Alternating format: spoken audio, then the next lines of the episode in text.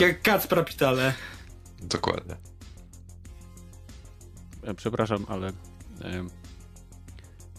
kto to jest Kacper Pitala? Kolej z TV gry. Tak? tak? Takich gości, co tworzą filmiki o tak, gierkach. Taka mądrzejsza wersja Badyla. Oho. Taki Badyl, tylko że bardziej rudawy. E, no. Mhm. No. Okej. Okay.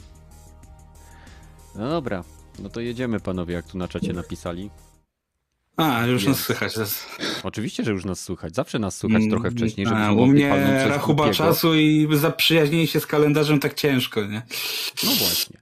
Więc e, witam wszystkich na 175. epizodzie Dropin Podcastu e, o 21 w tym okresie już powiedziałbym bardziej wiosennym?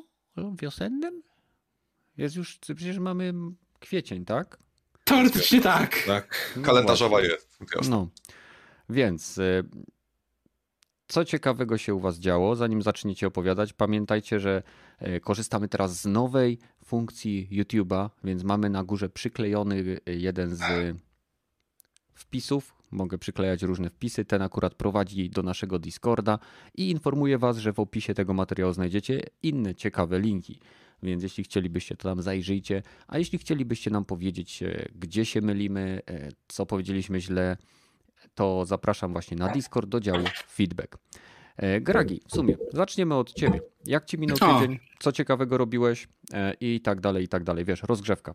Właśnie specjalnie aż poprawiłem mikrofon, żeby, bo tak zauważyłem, że trochę do niego nie dosięgam, więc e, sobie go poprawiłem, a tak to zleciał mi dość e, generalnie szybko ten tydzień, bo cały tydzień spędziłem generalnie na montowaniu filmu, który właśnie 20 minut temu wrzuciłem, także jak ktoś chce jeszcze zobaczyć recenzję nowego Shadow Warriora, to właśnie wleciała dosłownie z pół godziny temu.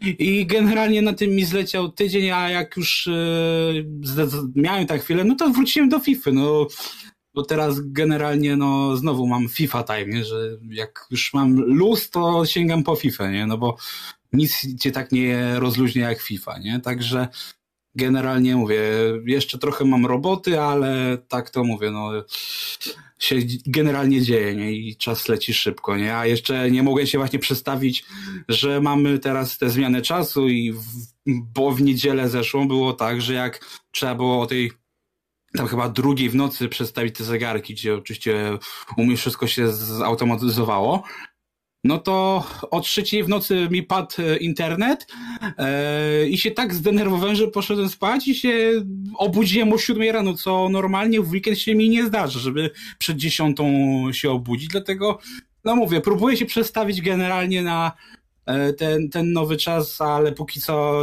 nie odczułam jeszcze jakichś takich większych zmian, bo wszystko mówię mi leci tak samo szybko, nie? Tylko po prostu budzę się nie o tej, co potrzeba. To jak to? Wcześniej się budzisz, to dobrze. Tak, tylko że ja zazwyczaj się budzę minimum dziesiąta, ale zazwyczaj to jest dwunasta, czternasta, więc dlaczego o siódmej? I to jeszcze w niedzielę. Słuchaj, Kto normalny wstaje w niedzielę o siódmej rano? Zabroni się budzić tak późno. Jestem pewien, że, mm. że ten Zuckerberg wstaje w ogóle o dwudziestej. Mm. No to, to ja mówię, ja, ja, jeszcze nie, aż tak u mnie źle nie jest, ale no ale ja jestem z tych, co mówię, no jak, jak nie muszę, to lubię sobie pospać, nie? Mhm. Okej. Okay. Mhm. E, jeśli o mnie chodzi, ponownie e, codzienność zjada mój czas. E, miałem troszeczkę dosłownie dzisiaj czasu, żeby wykorzystać nowe farbki do moich miniaturek, które, którymi Dobrze, że nie do włosów. Z figurek. Spokojnie, spokojnie. Jeszcze już jestem blisko tego wieku, ale jak mi muszę mieć co farbować, żeby, żeby móc, wiesz, najwyżej broda będzie farbowana. W każdym razie pomalowałem sobie taką figurkę. Bardzo jestem zadowolony z tych farbek. Nie miałem za bardzo czasu w tym tygodniu, żeby w cokolwiek pograć, więc tak naprawdę Horizon e, leży nieruszony od ładnych paru dni. Ale za to moja Agata mocno pocina w Assassin's Creed Valhalla, już ma ponad 90 godzin. I Ten nowy jak... dodatek czy w podstawkę? E, w podstawkę. I takiej jakoś siadła ta gierka, że zazwyczaj nie zajmuje się czyszczeniem mapy z różnych znajdziek i takich e, pierdół, pierdół, pierdółkowatych e, pobocznych zajęć, a tutaj e, Po prostu czyści tą mapę jak, jak odkurzacz. Jak odkurzacz. Ubisoftowa gorączka sobotniej nocy. Ale tak wiesz co, to, to, to, na przykład tutaj w jakiś sposób ona sama się dziwi. Nie wie, jak oni to zrobili, ale jej się tu po prostu chce to robić. To głównie mówi, że zależy, y, jest y, jakby to jest najmniej asasinowy asassin z wszystkich, hmm. które były do tej pory. I, I to jej się spodobało. A druga sprawa, że większość znajdziek polega na rozwiązaniu y, małych łamigłówek, które są które pomagają się graczowi dostać w, jakąś, w jakieś miejsce lub lokację, więc ona lubi takie rzeczy, gdzie trzeba coś po, pokombinować, żeby się gdzieś dostać, coś strzelić, przesunąć, wrzucić, e, tego typu e, rzeczy, więc e, no tak jak mówię, 90 chyba 8 godzin ma teraz i przez to, że robi misje poboczne, to jej poziom mocy, bo tam wprowadzili coś takiego jak z morpegów z komórek, jest chyba 250 a misje, które wykonuje wątkiem fabularnym są na poziomie chyba 150, więc jest jakby 100 punktów mocy wyżej niż to, co musi robić, więc bardzo przyjemniej się gra, bo większość przeciwników pada na jeden strzał. E, I, i tak to wygląda. Bo pod koniec tej gry chyba jak się zakończy główny wątek, to jest jeszcze jeden rejon i on na premierę był strasznie wysoko, e, strasznie wysoki poziom właśnie mocy wymagał i ludzie narzekali, że to zmusza do grindu i tak dalej, i tak dalej. No Więc widzisz, no. A, a, jej to idzie jakoś automatycznie. No.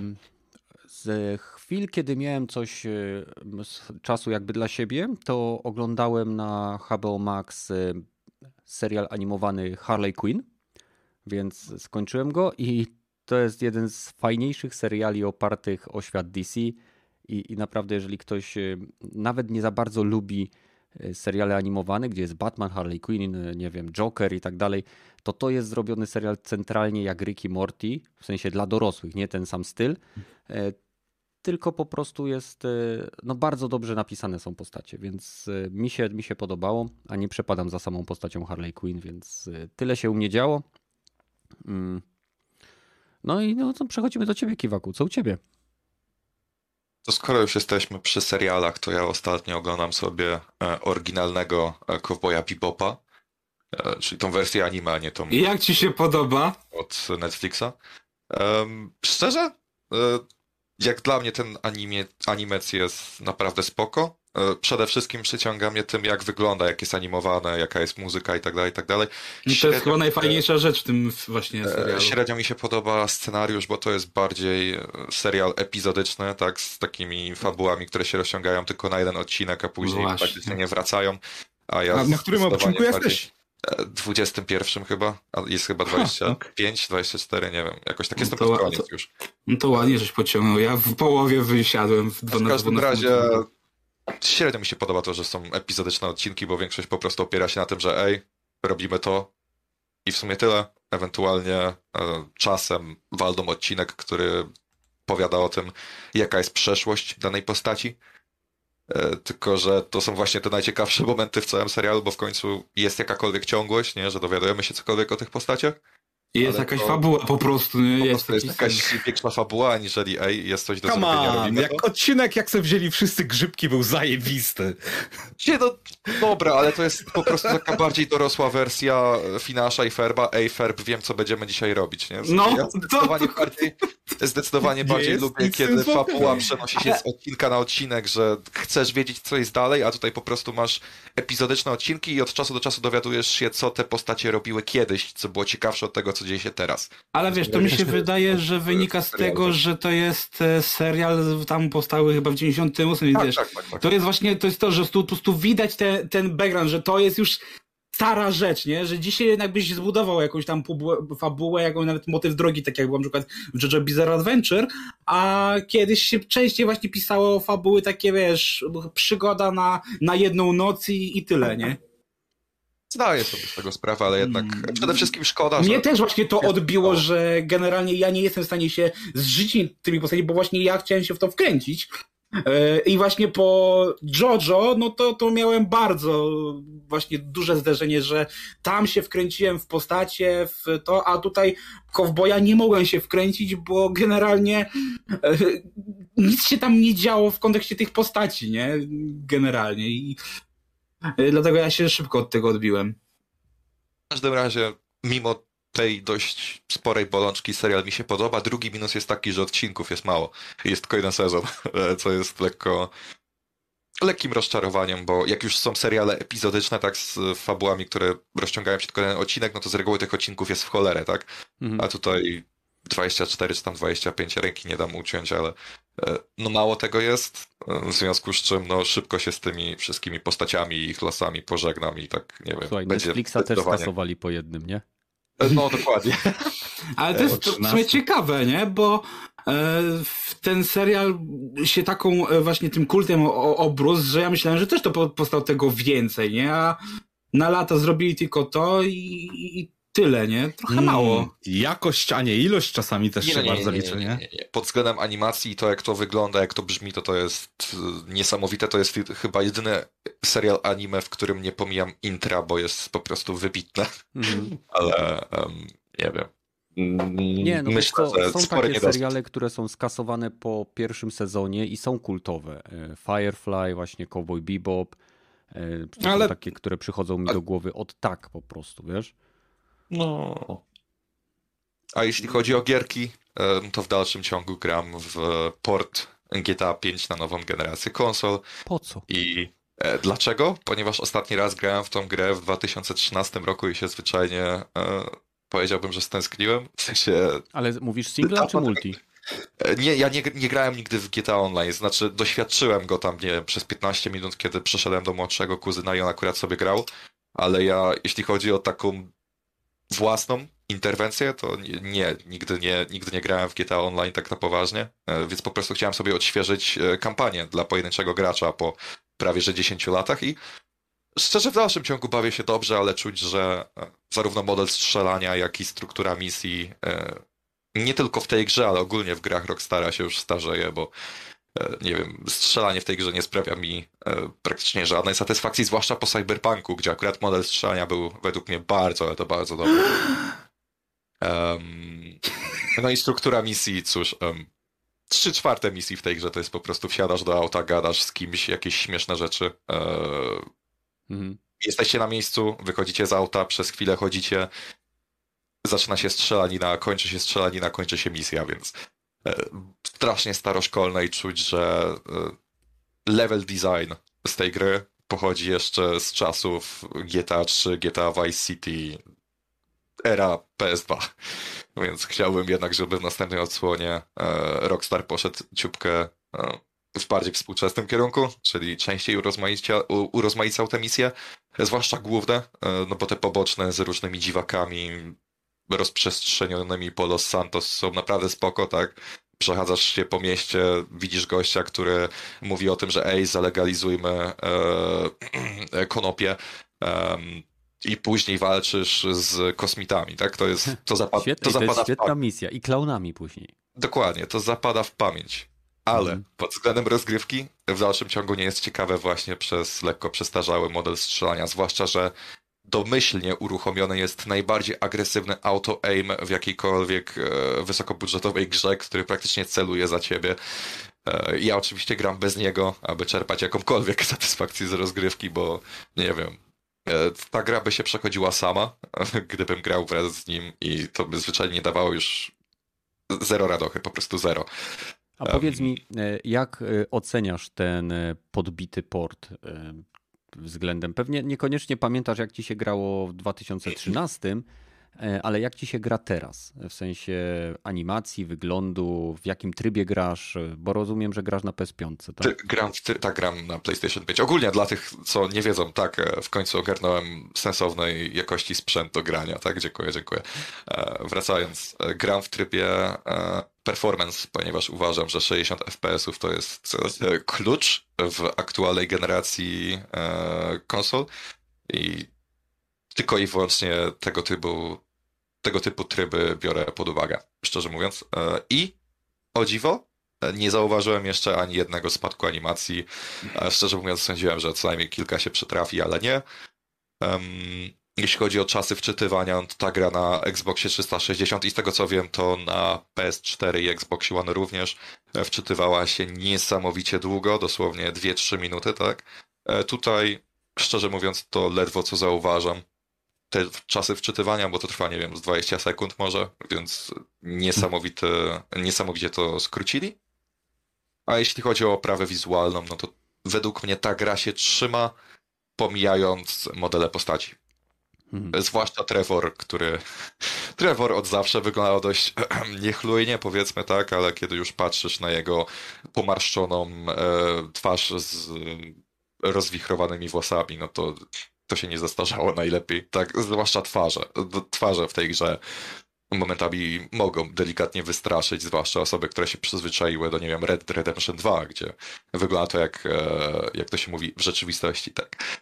E, Więc e, wizualnie jest ok, ale szczerze fajnie by było, jakby jednak poprawili te, nie wiem, tekstury skóry, albo zwiększyli ilość zwiększyli ilość poligonów na ich twarzach, e, cokolwiek, Mhm. Kumam. bo tylko to się wybija. Miasto dalej wygląda bardzo dobrze i przede wszystkim e, przede wszystkim e, zachwyca strasznie gęsty ruch uliczny.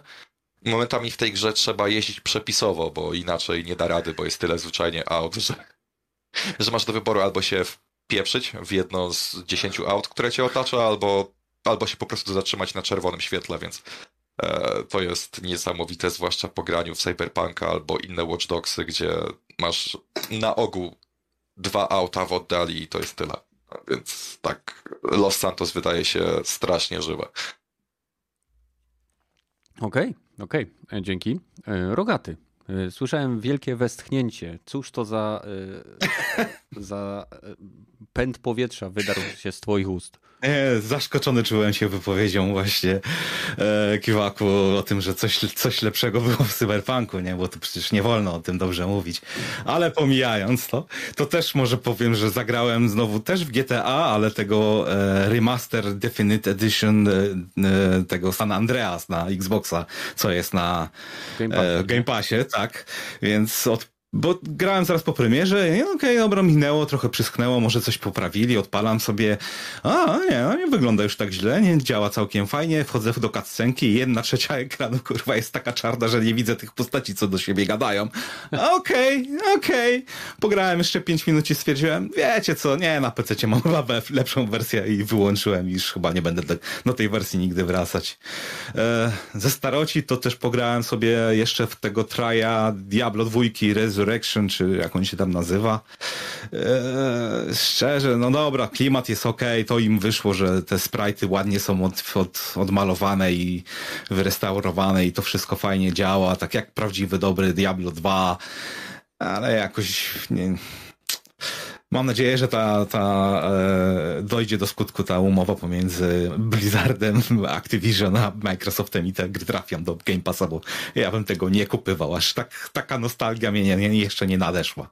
No ale jak dojdzie, no to tak samo miałem z tym e, Mass Effectem, mm, tą remasterem, który też poczekałem rok i się pojawiło w Game Passie, więc miejmy nadzieję, że to też jeszcze rok poczekam, też się pojawi w Game Passie.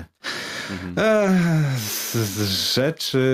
O, ko, ko, który mówię coś tam o komiksach, to ja też. Ja sobie akurat e, przeczytałem, odnowiłem sobie taką starą serię Danger Girl.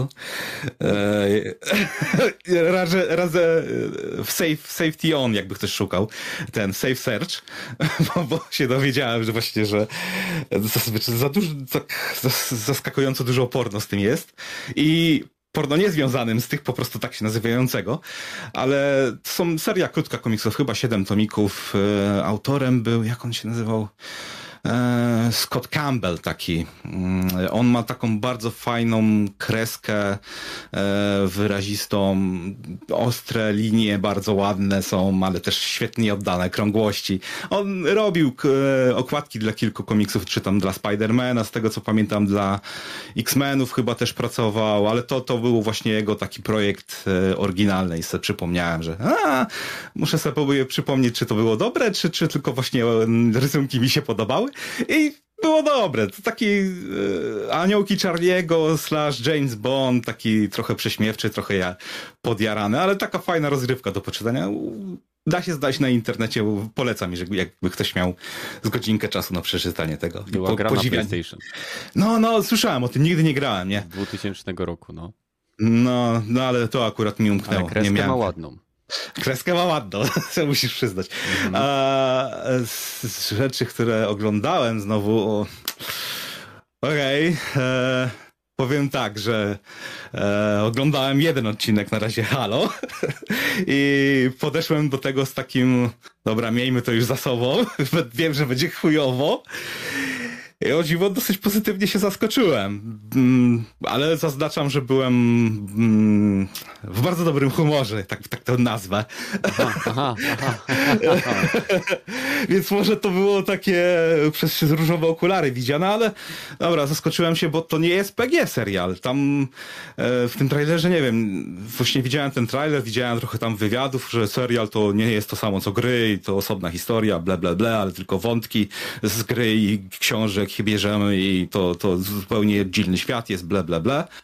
I w serialu ni- żadnych informacjach mi nie umknęło to, że to Erka chyba jest na, na tym, tym, bo no nie wiem, jest, żebym nie pomylił, ze 100, 150 cywilów zabijają w pierwszym odcinku, spoiler, i robią to w dosyć brutalny sposób, także wow, tu gościu stracił głowę całkowicie i rozbryzgał się jego mózg na czyjejś twarzy. Wow, takie szok dosyć, może dlatego przeżyłem taki pozytywny, a reszta też taka, hmm, niby sci-fi, niby dosyć dużo chyba miał budżet, chyba z 90 milionów za pierwszy sezon, czy jakoś tak.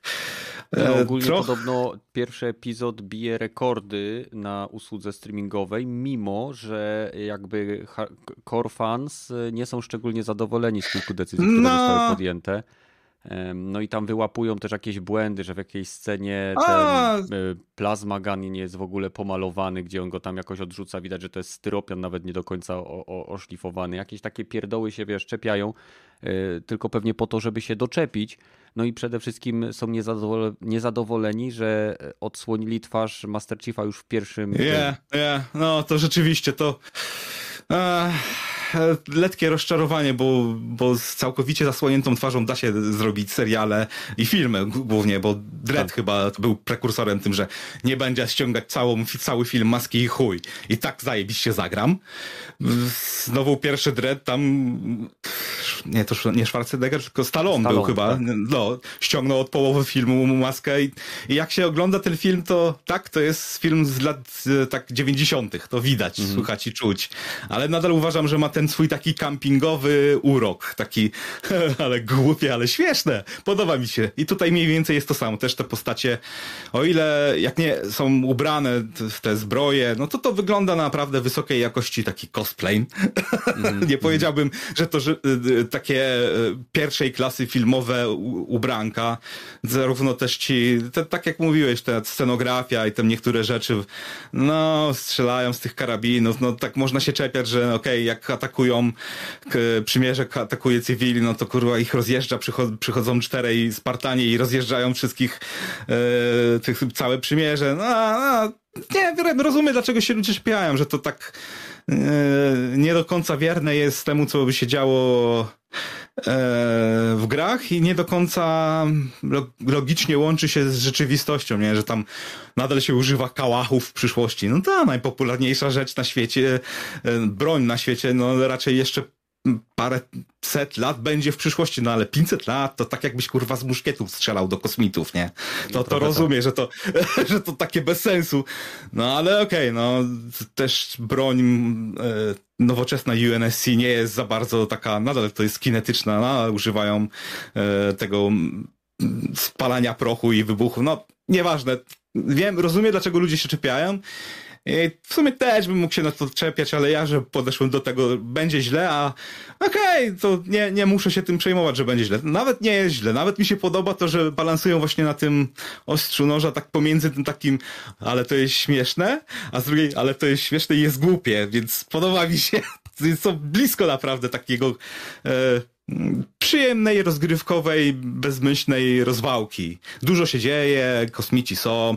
Niektóre smaczki mi się podobają, że na przykład jak gadają kosmici, to gadają po kosmicemu i tylko napisy się na ekranie pojawiają. Mm -hmm. e, troszeczkę te postacie poboczne e, za duży mają moim zdaniem znaczenie w całym serialu. No, rzeczywiście na pierwszy odcinek tego Master Chiefa było tak może 15 minut, no to 50 parę minut trwa i reszta się skupiają i od razu próbują właśnie cały świat przedstawić, zanim jeszcze przedstawią główną postać, którą tak mi się wydaje, że jest cywilian, który Master Chief no, tak jakby uratował. Ale okej, okay. pożyjemy, zobaczymy jak będzie dalej. Bo na razie nie, można obejrzeć, jak ktoś ma tego Paramount Plus albo jest zdesperowany i maturenta. Słuchaj, e, dla mnie na przykład jeśli chodzi o ściąganie masek, to Kylo Ren też wyglądał bardzo groźnie, dopóki maski nie ściągnął. Dokładnie, no.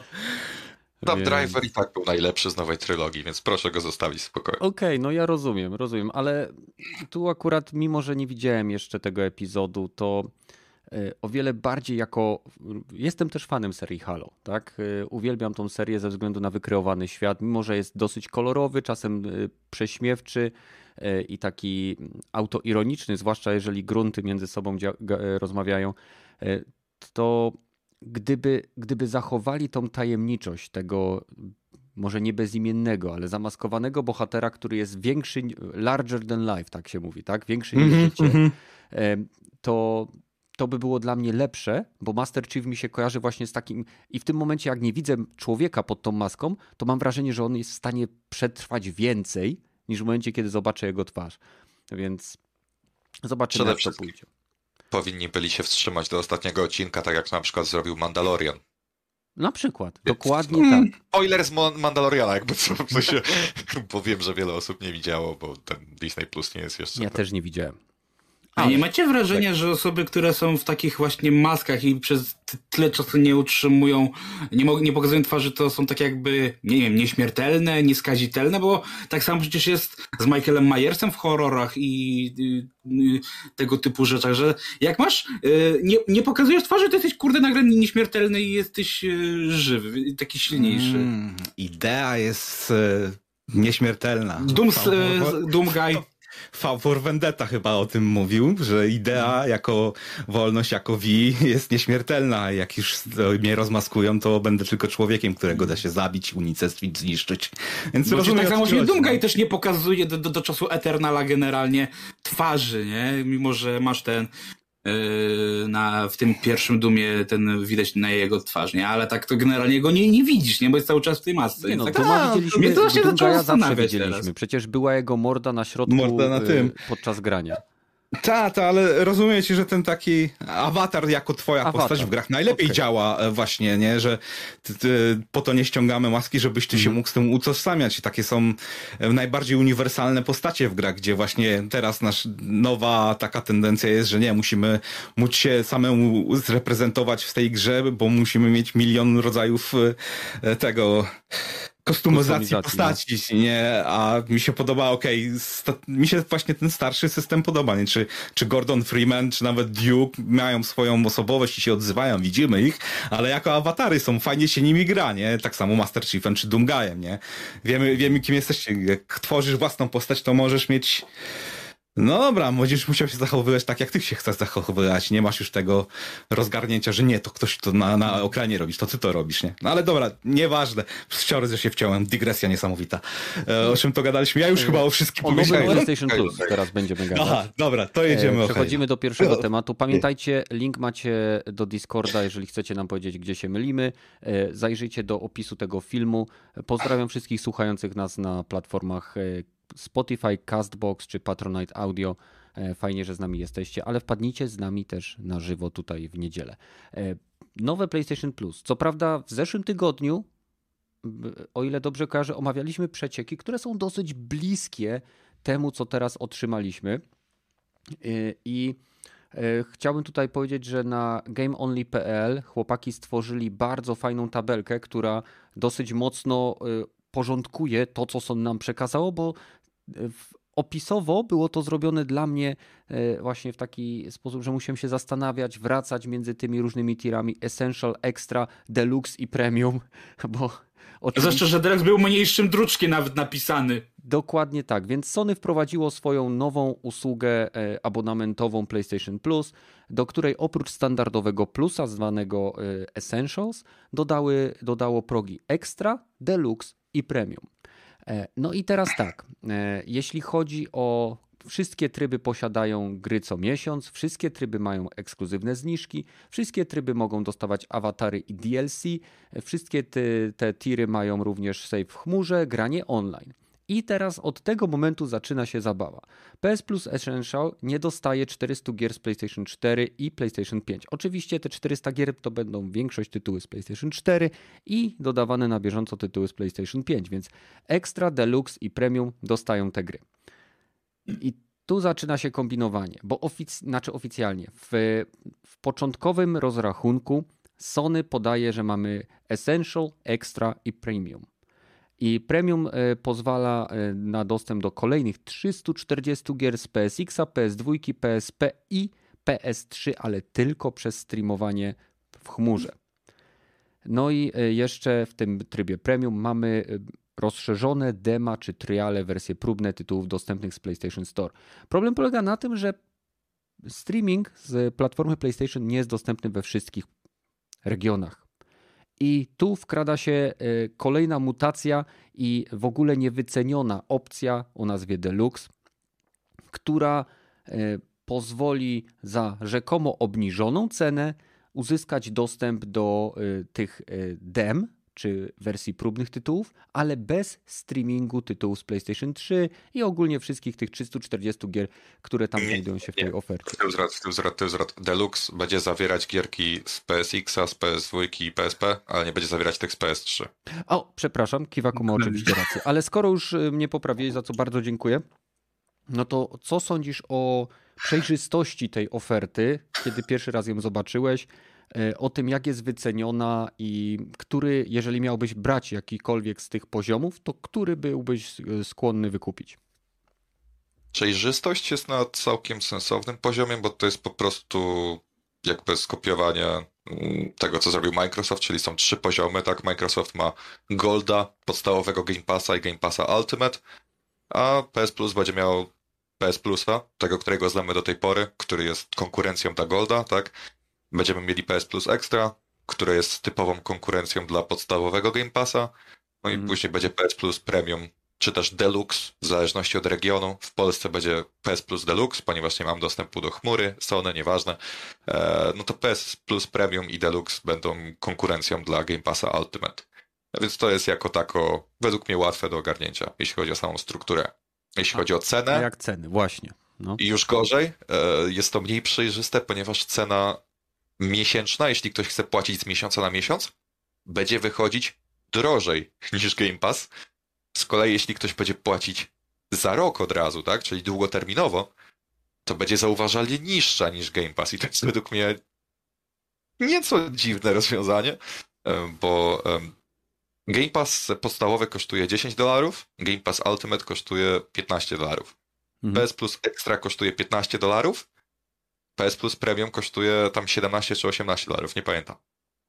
E, czyli no zarówno PS Plus Extra jest droższy od podstawowego Game Passa, jeśli płaci się za miesiąc, jak i PS Plus Premium jest droższe od Game Passa Ultimate, jeśli się płaci za miesiąc. Ale jeśli zapłacisz od razu za rok, to PS Plus Premium jest w tej samej cenie, co podstawowy Game Pass, a. czyli 120 dolarów, a mhm. jeśli zapłacisz za cały rok PS Plus Extra, to to jest tańsze niż jakikolwiek Game Pass. Więc e, według z tego, co dobrze widziałem, to ekstra jak się bierze w rocznym, to kosztuje tyle samo, co plus. No 100, nie, 100 dolarów. 100 dolarów kosztuje. Mhm. Za rok. A Game Pass kosztuje 120 dolarów podstawowy i 180 e, Game Pass Ultimate, bo on jest 15 ten dolarów za miesiąc. Najniższy pakiet to jest właśnie plus, który mamy dzisiaj i tak naprawdę tu się nic nie zmieni, czyli jak płaciłeś 240 zł za rok w plusie, to dalej będziesz płacił 240 za rok w plusie, nie? Ale jak Tak. już będziesz ekstra, to się wtedy zaczynają schody, nie? Okej, e, Rogaty, bo e, westchnąłeś i powiedziałeś takie, mam wrażenie, a, znaczące, a, i chciałbym poznać rozszerzenie tego westchnięcia. Zajarałem, jaki sposób, y, jaki system po prostu tego finansowania tego oni po prostu Sony przewidział. Tak jak jest w grach mobilnych, że im więcej złota se kupisz, tym większa value, nie? nie wcale, to wcale nie znaczy, że to ma tą jakość, po prostu e, więcej zyskasz. No takie, to takie mechanika, e, jak to e, niespodzianki przychodzi, nie? Bo jak nie, wie, nie wiesz, co będzie w ciągu roku, nie? Ale możesz za niego zapłacić, więc jak będzie coś dobrego, to wygrasz to, że No, to tak samo jest za Game Passie. Przecież. Nie, z Game Nie, Game Pass ma ty- na miesiąc, miesiąc na miesiąc, więc Game Pass nie ma rocznego... Nie, w Game Passie nie możesz wykupić na rok. Możesz wykupić na rok, ale to jest liczone jak za każdy miesiąc. Nie masz żadnej zniżki.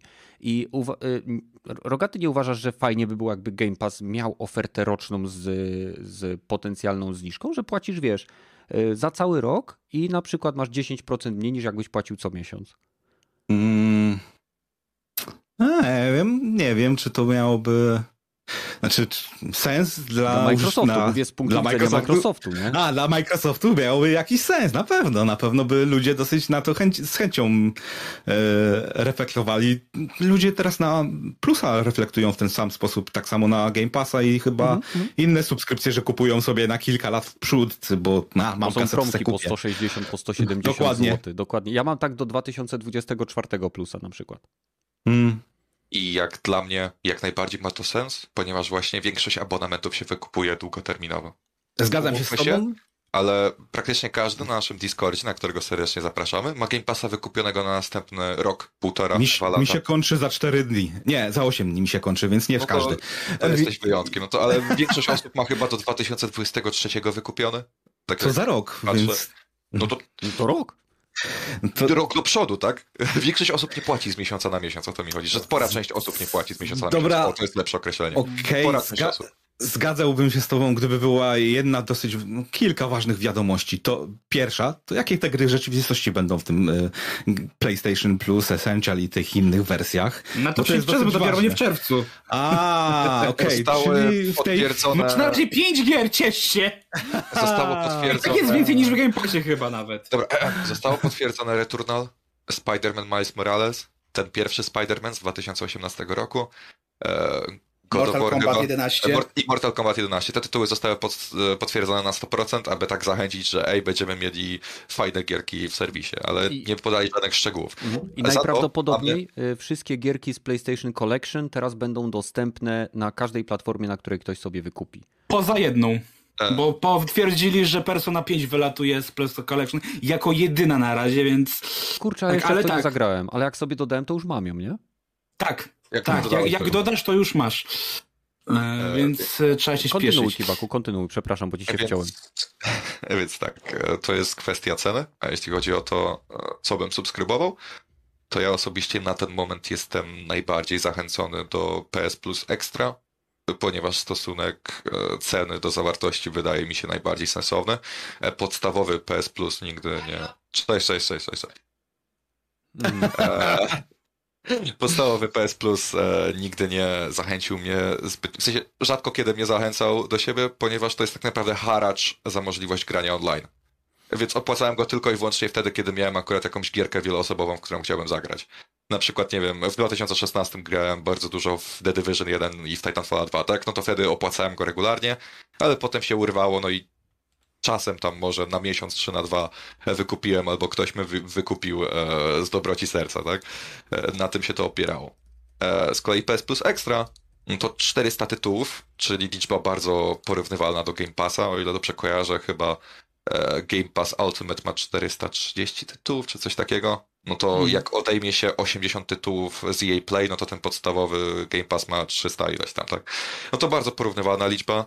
E, Cena ciupkę niższa, jeśli się. No, ciupkę niższa, 20 dolców niższa, jeśli się płaci od razu za rok, co Mhm, mhm. pewnie bym uczynił, żeby mieć tą zniżkę, tak? E, no i od razu jest haracz za ten online, nie? Więc wiadomo. Czyli Eee. mówisz, że jak wejdzie, to, to, to wchodzisz w ekstra. Jak, jak, e, Mm, Najpewniej tak, przede wszystkim dlatego, bo mam wątpliwości co do gier, które będą oferowane w ramach PS Plus Premium tych z wcześniejszych konsol, tak? mhm, mhm. Bo oni mówią, że będą dostępne gierki z PS2, z PS1, z PSP i tak dalej, i tak dalej, ale no problem polega na tym, że w moim odczuciu to najpewniej będą, jeśli chodzi o gierki z PS2, to to będą te tytuły, e, które są już dostępne na PS4 w ramach programu Retro, który wystartowali tam w, nie wiem, 2016 czy 2017 roku i tam w ramach e, tego programu było zrobione, odświeżone, tam zemulowane, nieważne, nie znam się na tym, 50 tytułów, wśród których nie było tych, które mnie najbardziej interesują, czyli właśnie God of War 1, God of War 2, Sly Cooper 1 i 2, Legacy of Em, Kain Soul River 2. na przykład, na przykład, tak? E, Sporo tytułów wśród tych 50, zwłaszcza ze stajni Sony, nie było. Tam było sporo fajnych gier, nie wiem, e, Red Dead Revolver, e, GTA 3, Vice City i tak dalej, i tak dalej, ale nie było tych gier, na których mi najbardziej zależało, czyli właśnie Sly Coopera, God of War'a, pierwszego i drugiego i tak dalej, i tak dalej. Jeśli chodzi o PS1, no to przecież oni zrobili PS Classic. Czyli to I mikro, tam mikro, oferta była różna. Dokładnie, tam było 20 gier, z czego no powiedziałbym, że jeśli chodzi o Pięć takie wartych realnie, uwagi. e, jeśli chodzi o takie realnie ciekawe z ery PSX-a, to tam było mało, bo nie było Tomb Raidera z tego co kojarzę, nie było Gran Turismo, Mhm. co jest według mnie kompletnie wypaczeniem czegokolwiek, bo Gran Turismo to jest jedna z najważniejszych gier, jaka wyszła na PSX-a Nie było? i tak dalej, i tak dalej. Nie było Gran Turismo z tego co kojarzę. E, A, dobra, może Nie dam sobie ręki odciąć, ale Nie, wydaje mi się, oficjalnie że nie nie. było. Oficjalnie nie było No Gran właśnie, Turismo. oficjalnie nie było.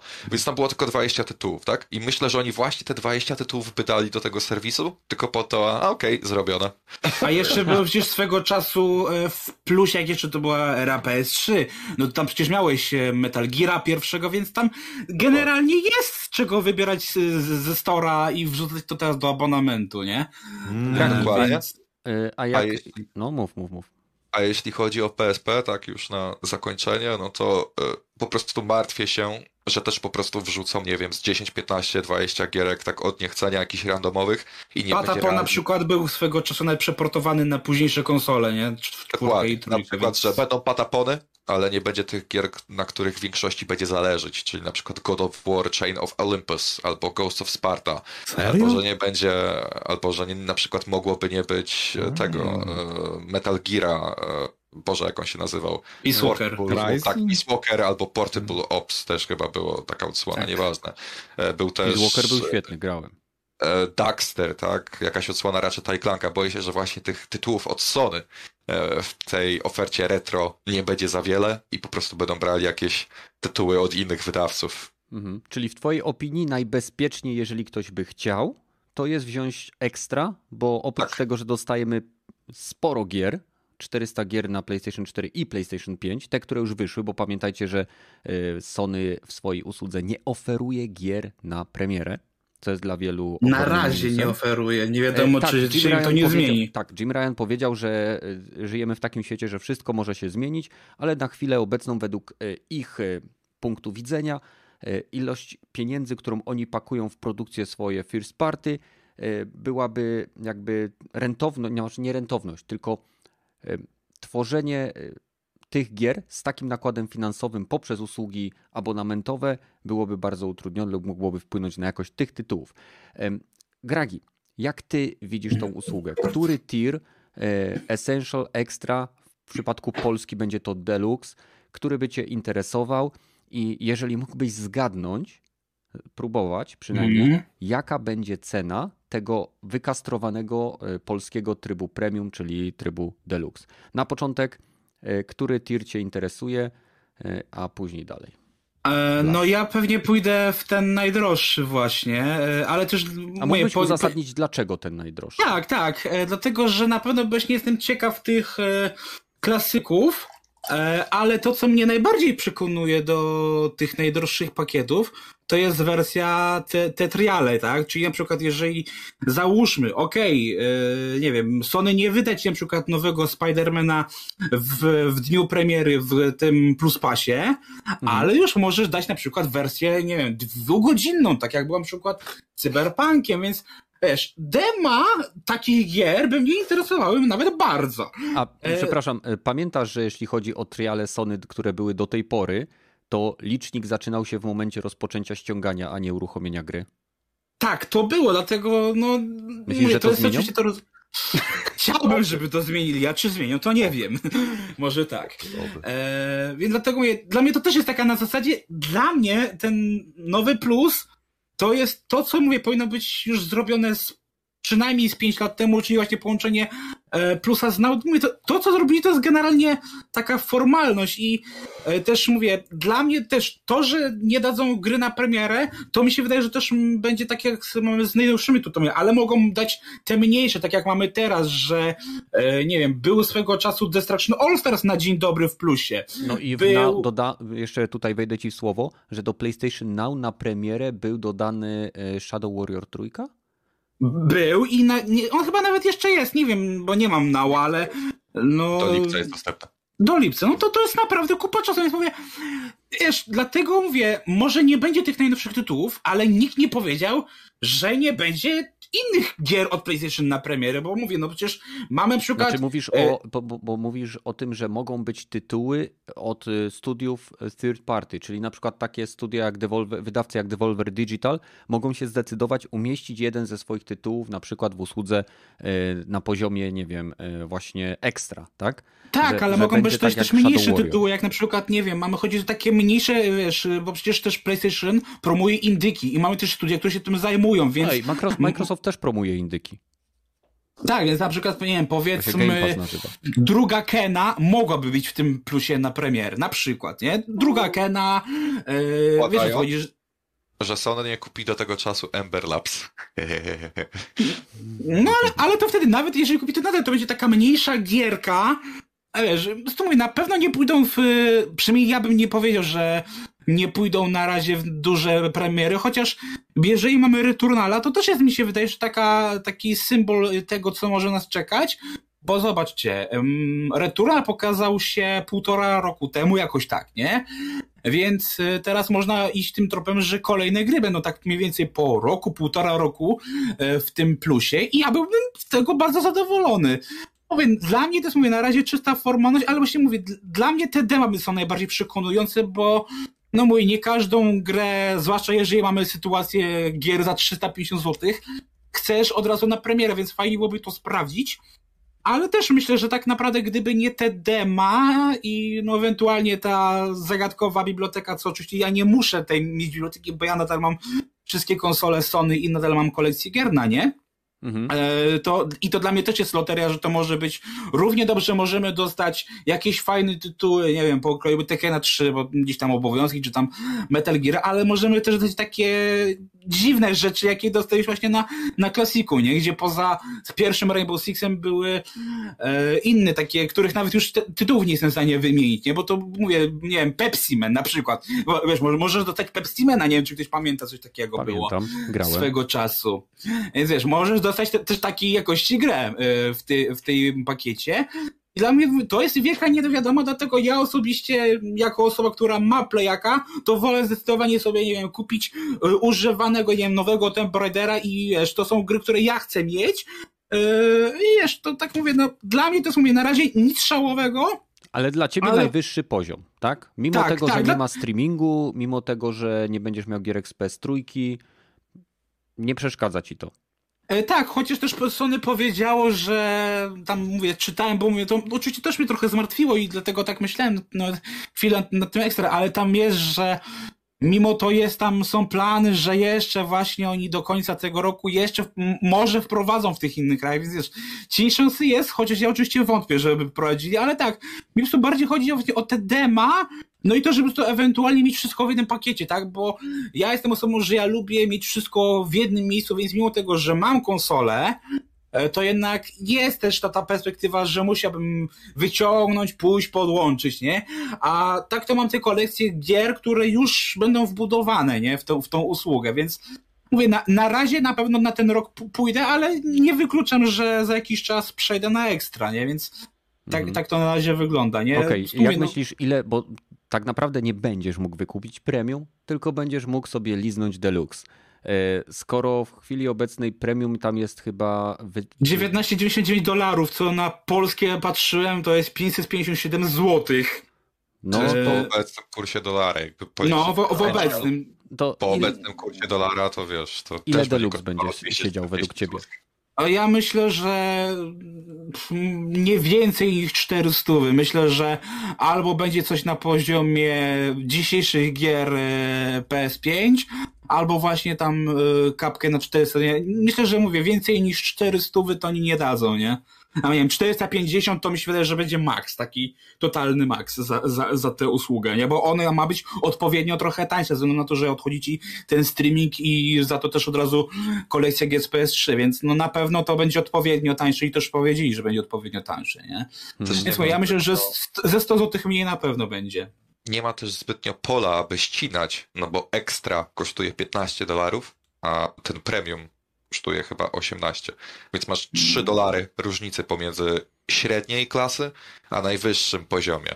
Dokładnie. E, więc no zetną, nie wiem, dolara, może półtora. Dolara Dolar może dwa max, nie? Wątpię, aby ściągnęli dwa dolce, więc to będzie albo różnica dolca, albo półtora dolca, więc mm. no mm. takie 16,5 dolara może. To jest takie, no. właśnie nie ma z czego uciąć. Tak naprawdę no, według mnie według mnie e, w krajach, gdzie nie ma tego streamingu, e, ta, to PlayStation Extra powinno być tym tirem, który daje nam te dema. Wiesz, co mogą jeszcze zrobić? Jeżeli mamy teraz taką sytuację, zawsze mogliby, żeby chcieć na przykład utrzymać tę cenę 19 do, dolców, to mogliby powiedzieć w końcu, że ej, wideo pasa macie od razu w komplecie, wiesz, to co w tym miesiącu się kończy, mogliby dać do tej usługi permanentnie i wtedy okej, okay, wtedy dla mnie byłoby to spoko, nie? Masz plusa, masz streaming gier tam z PS1, PS2 i masz jeszcze wideopasa i okej, okay, 19 dolców spoko. Wtedy za coś takiego. Hmm, nie wiem, ja z wideopasa nie korzystam. Okej, okay. E, Rogaty, E. Usłyszałeś na razie kiwaku Gragiego, ja sobie zostawię, chyba że chcesz mnie usłyszeć wcześniej i wydać swoją opinię na temat naszych opinii. Nie, no mam parę ciekawych spostrzeżeń na temat to, to, dwóch wypowiedzi, więc... Jako, jako gracz e... PC-owy i posiadacz Xbox, e, Xbox Game Passa i okay. Xbox Series X. Jako gracz PC-owy, ha, czyli podnieśli cenę dla ludzi, którzy chcą streamować tą e, usługę ich streamingową na PC o 10, o 5 dolarów, tak? Dobrze rozumiem? E, tak, tak, na PC wszyscy jesteście teraz ruchani e, takim japońskim e, tym... Mieczem. Straponem. No to, to, to rzeczywiście e, opłaca się dla PC-ciarzy, to, to widać w którym kierunku. Jeden krok w przód, robimy e, porty na PC-ta naszych gier, są dobrą stronę i dwa kroki w tył, podnosimy wam cenę za chujowy streaming, taki średniej jakości w najlepszym Tylko wypadku. na PC nie korzysta. Nikt, nikt nie korzysta, a ewentualnie nie mamy go nawet w naszym regionie, więc walcie się. E, co do e, tych 400 gier, to jakby była znana ta lista, bo to, wiesz, to byśmy mogli sobie, okej, okay, porównywać, co w tej liście jest, jakie są tytuły, jakie będzie e, rozrzut tych tytułów, czy tam nie będzie jakichś ciekawych podejść e, Sony w stylu, dobra, macie tutaj Play, e, Spidermana z PlayStation 4 i Spidermana z PlayStation 5 i to są dwa różne tytuły, co się im zdarzało, e, ale to wiesz, może, może tak nie być, to naj, najgorszy scenariusz jest, no ale te, te z poprzednich generacji, tak jak mówiliście, fajnie jak od tytułu. Ciekawe jak one będą te, które zwłaszcza będzie można ściągać na, na swój komputer, jak będą emulowane, bo też wspominaliśmy o wspaniałym PlayStation e, Classic, bo tak na pudełku pisze. I emulacja była delikatnie tu ujmując chujowa, jak na rok, w którym to tam wyszło, chyba to było 2018 czy jakoś tak. E, więc też bym raczej nie chwapił się na to, że to będzie nawet w tym najmniejszym stopniu w stylu, jak Microsoft robi, że dobra, te gry mają już 60 FPS-u, a te mają jeszcze pod, pod, podbitą rozdzielczość z tych poprzednich generacji. Tutaj nie będzie żadnej pracy w tym w kierunku najprawdopodobniej wykonane, więc będziecie wygrali w najbardziej e, e, wersje, które ba, najbardziej blisko są oryginalności. I Dla niektórych to może być są... bardzo ważne. To może być bardzo ważne, ale dla, lepsze by było, jakby był wybór, co by dało się łatwo zmienić, bo, zrobić. E, w tym programie e, związanym z gierkami z PS2 na, w 2016 czy 2017 roku oni dodali do nich przynajmniej e, trofea Więc jakiś tam, To coś też, tam to, jednak to, dodali, nie? to by było świetne, gdyby było wiadomo, że to jest e, e, zrobione, a tutaj no niestety, dopóki nikt nie zada tego pytania i nikt nie będzie się o to czepiał, to Sony tego nie zrobi. Wątpię, Najprawdopod- Wątpię, wątpię, żeby zrobili więcej gier niż te 50 z PS2, więc myślę, że to będą właśnie te tytuły z właśnie No, wsparciem tego. E, Przepraszam, że jeszcze wejdę ci dobrze. słowo, Rogaty, bo kiedy opowiadałeś o tym wszystkim, szukałem informacji na temat tego, ile w chwili obecnej jest dostępnych gier w PlayStation Now na konsolę PlayStation 4 slash PlayStation 5. I w chwili obecnej to jest 300 tytułów. E, Nie wiem z którego roku to są dane, ale to jest 300 tytułów e, na konsolę PlayStation 4. Pi razy oko, nie? Więc Mhm. wydaje mi się, że jeżeli ktoś sobie sprawdzi listę gier, które są teraz w PlayStation Now e, z konsoli PlayStation 4, to właśnie te gry na stówę te będą dostępne e, w tych usługach, plus pewnie jakieś nowe. Bo bądźmy szczerzy, to co Sony teraz zrobiło, to jest minimum wysiłku, aby połączyć tak naprawdę, wziąć usługę PlayStation Now, PlayStation Plus, wziąć tasak, pociąć to na trzy poziomy i sprzedawać za różną kasę w zależności od tego, kto ile chce zapłacić. I w przeciwieństwie do Microsoftu, który naprawdę się postarał e, względem tego, co zaoferował, Sony jakby gra z pozycji, na której samo siebie widzi, czyli e, pewnego, przynajmniej hardware'owego lidera, jeśli chodzi o sprzedaż sprzętu i myśli, że to im wystarczy, nie? Więc e, te, Mm. jeżeli ktoś chce wiedzieć, jakie gierki z PlayStation 4 na pewno będą dostępne, w mojej opinii oczywiście, to może sobie sprawdzić tą listę e, gier, które są w PlayStation Now na chwilę obecną. A co Sony tam pododaje, to zobaczymy. Kontynuuj.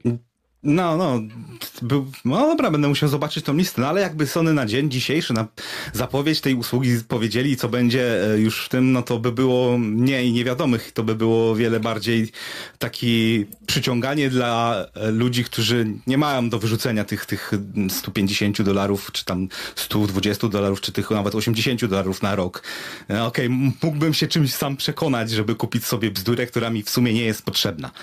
Co mi tak się wydaje, Rogaty, tu ci na się tylko wetnę, bo powiedziałeś, że tak nie do końca wiadomo, bo oni tam powiedzieli, że oni jeszcze chcą zapewnić e, gry od innych wydawców, od e, każdego większego wydawcy. Mi się wydaje, że dlatego właśnie nie powiedzieli jeszcze nic, bo cały czas dogadują, żeby na przykład jednak, nie wiem, może jakąś starszą FIFA im e, EA dało, Hmm. może, Albo nie będzie wiem, EA, EA Play Nie, będzie w pakiecie i w- Ubisoft. jeszcze coś. I, i, jakby był EA Access tej usłudze Plusa, to to od razu by zwiększyło moim zdaniem jej atrakcyjność. No tak, No, ale pewnie dadzą nie pojedyncze tytuły bardziej, nie? Że na przykład, nie wiem, dostaniesz, nie wiem, Battlefielda 2042, e, nie wiem, dostaniesz od Rockstara Red Dead Redemption 2, wiesz, pojedyncze tytuły od każdego Ale wiesz, w międzyczasie kup już na, na, na cały rok i może coś z tego będziesz miał, nie? No, Noszę rękę. Ale zaraz. Rogaty, ty też nie wiesz, ile tytułów będzie dodanych do Game Passa, a Microsoft ta- nawet nie daje ci opcji zakupienia za niższą kwotę abonamentu za rok, który i tak większość e, obecnych abonentów e, Xbox Game Pass Ultimate i tak kupuje co miesiąc. No nie wiem, nie wiem, to znaczy opcja jest, mogę sobie kupić karty prepay i za nie kupić sobie na rok, albo na dwa, albo na pięć, bo takie opcje są w internecie, więc no nie No, do końca, że nie ma, nie ma oficjalnie, zniżki, nie? E, to zależy jak promocje są na stronie Microsoftu, bo wielokrotnie się przystrafiało już za kup za 4 zł na 3 miesiące, więc Tak, są tylko- zniżki, nie? Wiesz, w pewnym momencie to się skończy, bo Microsoft buduje teraz No tak w pewnym e, momencie się Epic to skończy. Games, nie? Buduje bazę momencie- użytkowników. Tak, tak. No w pewnym momencie Sony wreszcie doda swoje gry po jakimś czasie od premiery. To Tak. wszyscy chyba się z tym zgadamy, że w tej chwili ten sam biznes jest co EA Access jest, że nie od razu na dzień premiery dają swoje najnowsze gry, ale gdzieś po roku dorzucają te, które już wyszły. Mass Effect tak weszedł do EA Access, dzięki temu zagrałem i w sumie mam już tą, kupiłem tą grę na stałe już dla siebie tego remastera. No ale Sony nawet o tym nie powie, więc nie mamy tutaj co się łudzić żadną nadzieją, że tak zrobią, bo tak dobrze by było dla klienta. Nie, zrobią to tylko i wyłącznie wtedy, gdy klienci zaczną tego żądać. A tutaj wygląda na to, że nikt na to za Nawet bardzo nie za- zwraca uwagi. Nawet jak zaczną żądać, to niekoniecznie to zrobią. E, Zobacz, co, co robią generalnie firmy. No, dopóki y, nie tracą pieniędzy, to nie robią nic. W momencie, kiedy tracą pieniądze, to nagle zmieniają się firmy słuchające y, feedbacku od swoich klientów. No tak to wygląda. Tak to było w przypadku Microsoftu, tak to będzie w przypadku Sony, tak to będzie w przypadku EA, e, DICE, nie wiem, no wszystkich firm, tak? Pieniądze nimi rządzą, nie nasze, nie wiem, słodkie wyobrażenia no, i życzenia. Tak, i, ale też trzeba pamiętać, że ludzie też robią tą pracę i to jednak nadal ci sami ludzie, którzy już robili niezbyt dobrą robotę w mojej opinii, jeżeli chodzi o usługi. Pod stajnią Sony, co Oczywiście. się sami przyznali, bo już im, bo już kupują drugie czy trzecie studio, które się tym zajmują, żeby to odwrócić tę swoją pasję taką, że nie wiem, też chcemy mieć coś multiplayerowego. Ej, no też kopiują Microsoft. Microsoft tak? wprowadził opłatę za okay. rozgrywkę online, Sony wprowadziło opłatę za rozgrywkę dobra, online. Dobra. Microsoft kupuje studia, Sony kupuje studia. Ja bym, no.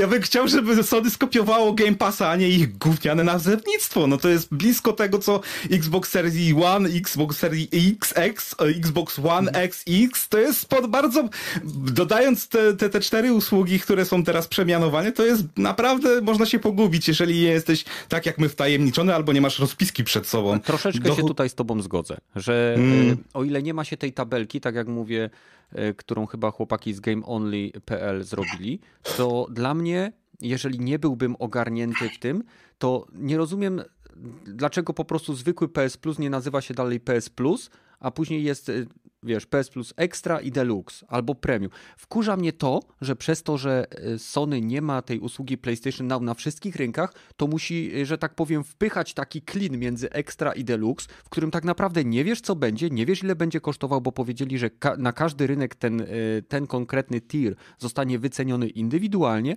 Czyli tak naprawdę, poza tym, że wiemy, że Extra w chwili obecnej, chyba w Twojej opinii też, jest najbardziej rozsądnym zakupem, bo dostajesz te gierki z poprzedniej generacji i z obecnej generacji, to y, poziom deluxe i premium dla większości użytkowników to jest kupowanie kota w worku. Hmm. No mniej więcej.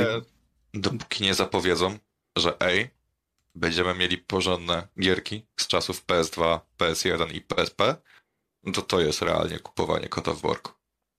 No, no szkoda. No, ale, co ci po emulacji PSP, jeśli nie będziesz mógł zagrać w najlepsze gierki na PSP, czyli właśnie w God of War, e, no... Chains of Olympus albo właśnie tu... w Metal Gear. E, Peace Walkera, tak? Posunąłbym się o krok dalej, żeby jak chcą już kopiować Microsoft, to może by tak udostępnili możliwość gier, które już posiadasz z tych generacji. Technicznego o... chyba problemu za bardzo nie ma, ale e, Sony raczej kwestia... tego nie zrobi. Nie, bo Sony ma teraz w PlayStation Now y, umowy licencyjne, które pozwalają im korzystać z tytułów, które są w usłudze PlayStation Now. Jak doskonale wiemy, Microsoft w swoim y, programie wstecznej kompatybilności musiał załatwiać y, licencje na ponowne wydanie i poprawienie tych tytułów. Dlatego w pewnym momencie doszli do takiej ściany, że oficjalnie powiedzieli, to są ostatnie tytuły, które pojawią się we wstecznej kompatybilności, ponieważ dalsza praca związana z załatwianiem licencji, ponownych pozwoleń i przedłużaniem tych licencji jest zbyt czasochłonna i niemożliwa do. Wszystko można, nie wszystko się opłaca w skrócie, tak? I być może Sony nie chce w ogóle wydawać pieniędzy, co jest oczywiste, bo ma ich o wiele mniej niż Microsoft. Dlatego tak naprawdę, jak już wspomniałem wcześniej, rebrandują coś, co już mają. No, no, tylko no, trochę szkoda, że właśnie zwłaszcza te gry z PS3 najwięcej oberwały, bo jeżeli dobrze rozumiem, to oni nadal to e, wszystko emulują na oryginalnym sprzęcie. Nie ma możliwości e, emulowania to na nowym sprzęcie. To jest główny mhm. powód, dlaczego sami tego się nie da ściągnąć na... Sami stworzyli tak pojebany system, jakim było PlayStation 3, że był tak drogi w produkcji i tak egzotyczny względem programowania, że nawet teraz, jak masz emulatory PCSX chyba, czy CPS X3, to on wymaga bardzo mocnego peceta, żeby to działo. I yeah. żeby nie było wątpliwości, e, w chwili obecnej osoby zajmujące się emulacją są przekonane, że e, nie byłoby problemów z stworzeniem emulatora, który byłby w stanie odtworzyć gry z PlayStation 3 na PlayStation 5, tylko wymagałoby to nakładów finansowych, których Sony prawdopodobnie nie chce wyłożyć. Mm, no, z punktu widzenia biznesowego, no Moim zdaniem by się troszeczkę to im zwróciło w sposób ten, żeby budowali markę takiego dobrego wujka, że hej, macie już te gry, możecie nadal nie grać. tak samo jak to Microsoft. I gwarantują, gwarantują ci, że, że będą to robić w momencie, kiedy staną y, w takiej sytuacji, w jakiej stanął Microsoft podczas premiery Xbox One. Okej, okay, tylko pytanie, czy to teraz do ciebie, czy to nie będzie za późno? Bo Sony było liderem w produkcji Walkmanów mm. i wystarczyło im, że produkowali Walkmany. Tak samo Discmanów, wystarczyło im, że produkowali e, Discmany.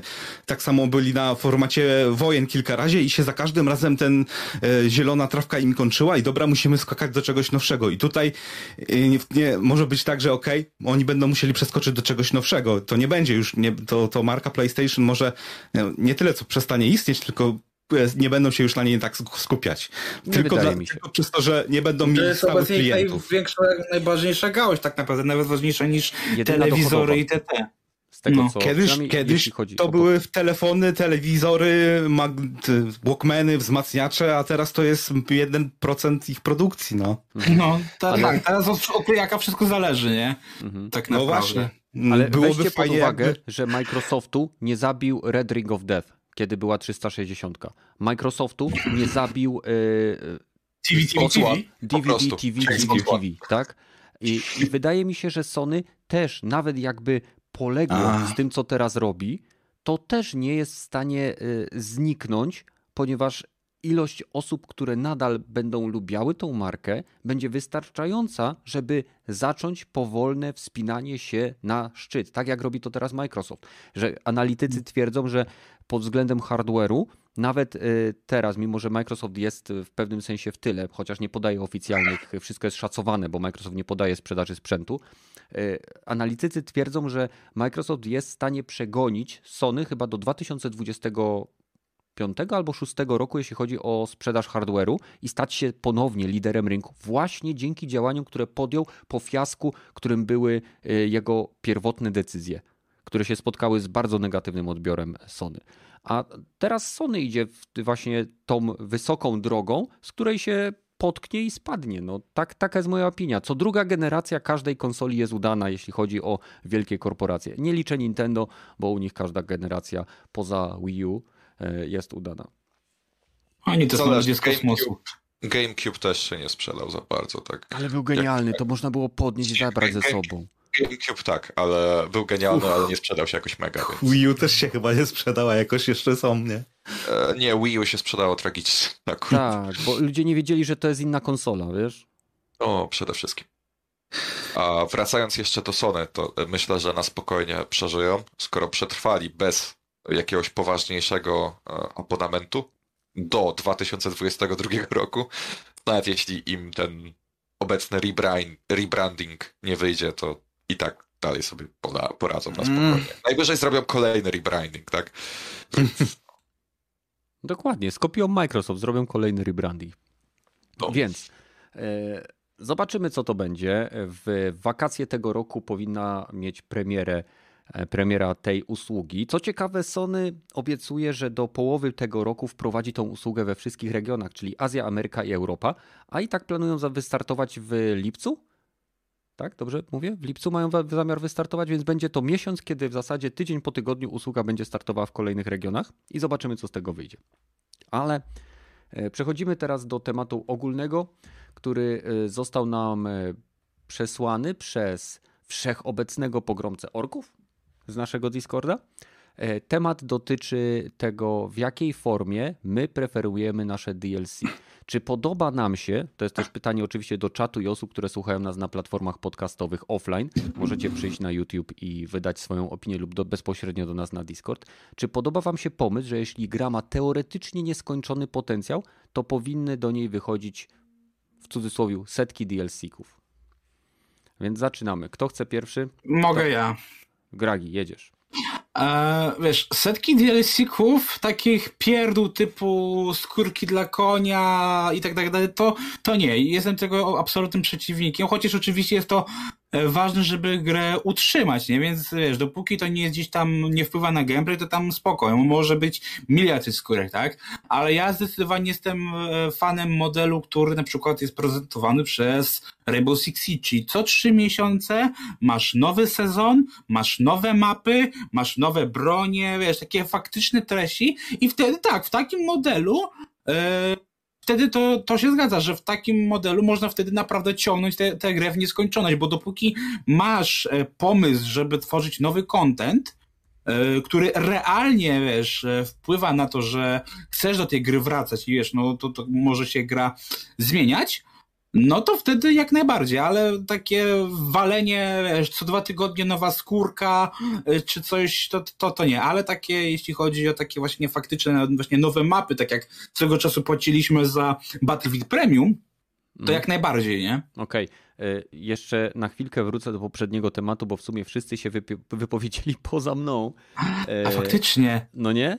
E, więc e, ja wydaje mi się, że też będę na początek e, startował z poziomu ekstra z bardzo prostego powodu.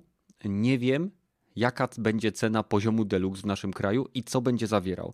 Wersje trialowe tytułów zależy od tego, jak to będzie funkcjonowało. Muszę najpierw się dowiedzieć, czy to będzie godzina, czy to będzie dwie, e, czy timer będzie startował e, w momencie rozpoczęcia ściągania gry, czy od momentu jej uruchomienia. Czy będzie się zegar zatrzymywał w momencie, kiedy wyłączę grę, czy będzie leciał dalej. To znaczy, że jeżeli mam grę na dwie godziny, to muszę poświęcić dwie godziny, żeby w nią zagrać. E, więc ekstra jest dla mnie najlepszą opcją bo dostaję tytuły, które mogę pobrać na konsolę, bo jestem streaming jest mi absolutnie zbędny. Dlatego nie wydaje mi się, abym w ogóle chciał wchodzić na poziom premium, e, bo nie, nie jestem w stanie zaakceptować nadal input lagu, który występuje w większości usług streamingowych, nawet jeżeli jest minimalny. To są gry, w których on przeszkadza niemiłosiernie. Więc e, jedyną opcją, która mogłaby mnie zainteresować, to te dema, ale musiałbym poznać y, zasady ich działania, więc również jestem na chwilę obecną zwolennikiem poziomu ekstra. Natomiast e, jeśli chodzi o nasz temat numer dwa, czyli w jakiej formie preferujemy DLC, swego czasu byłem przekonany, że podejście e, typu Premium Pass, Season Pass, nie jest dla mnie dobre, ponieważ musiałem wydawać tak naprawdę dwukrotność ceny gry. Ale teraz, kiedy patrzę z perspektywy czasu na te wszystkie dodatki, które były wydawane do Battlefielda trójki, Battlefielda czwórki, e, wydaje mi się, że w przypadku niektórych gier takie podejście jest dobre.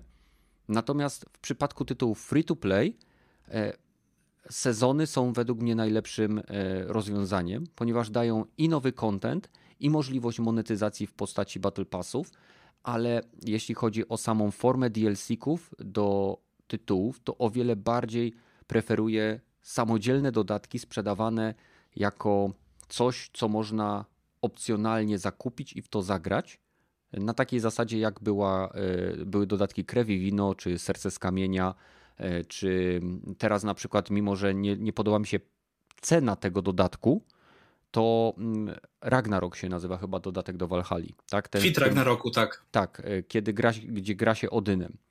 Podobają mi się rozszerzenia tytułów, e, które dodają o wiele więcej niż tylko, tak jak wspomniałeś, skórki. Na przykład e, coś takiego jak jest w Dead or Alive, gdzie można kupić dosłownie setki, setki strojów dla postaci, gdzie w momencie, kiedy ktoś to podliczył, to są tysiące dolarów, dziesiątki tysięcy po prostu wydanych monetek jest dla mnie bez sensu.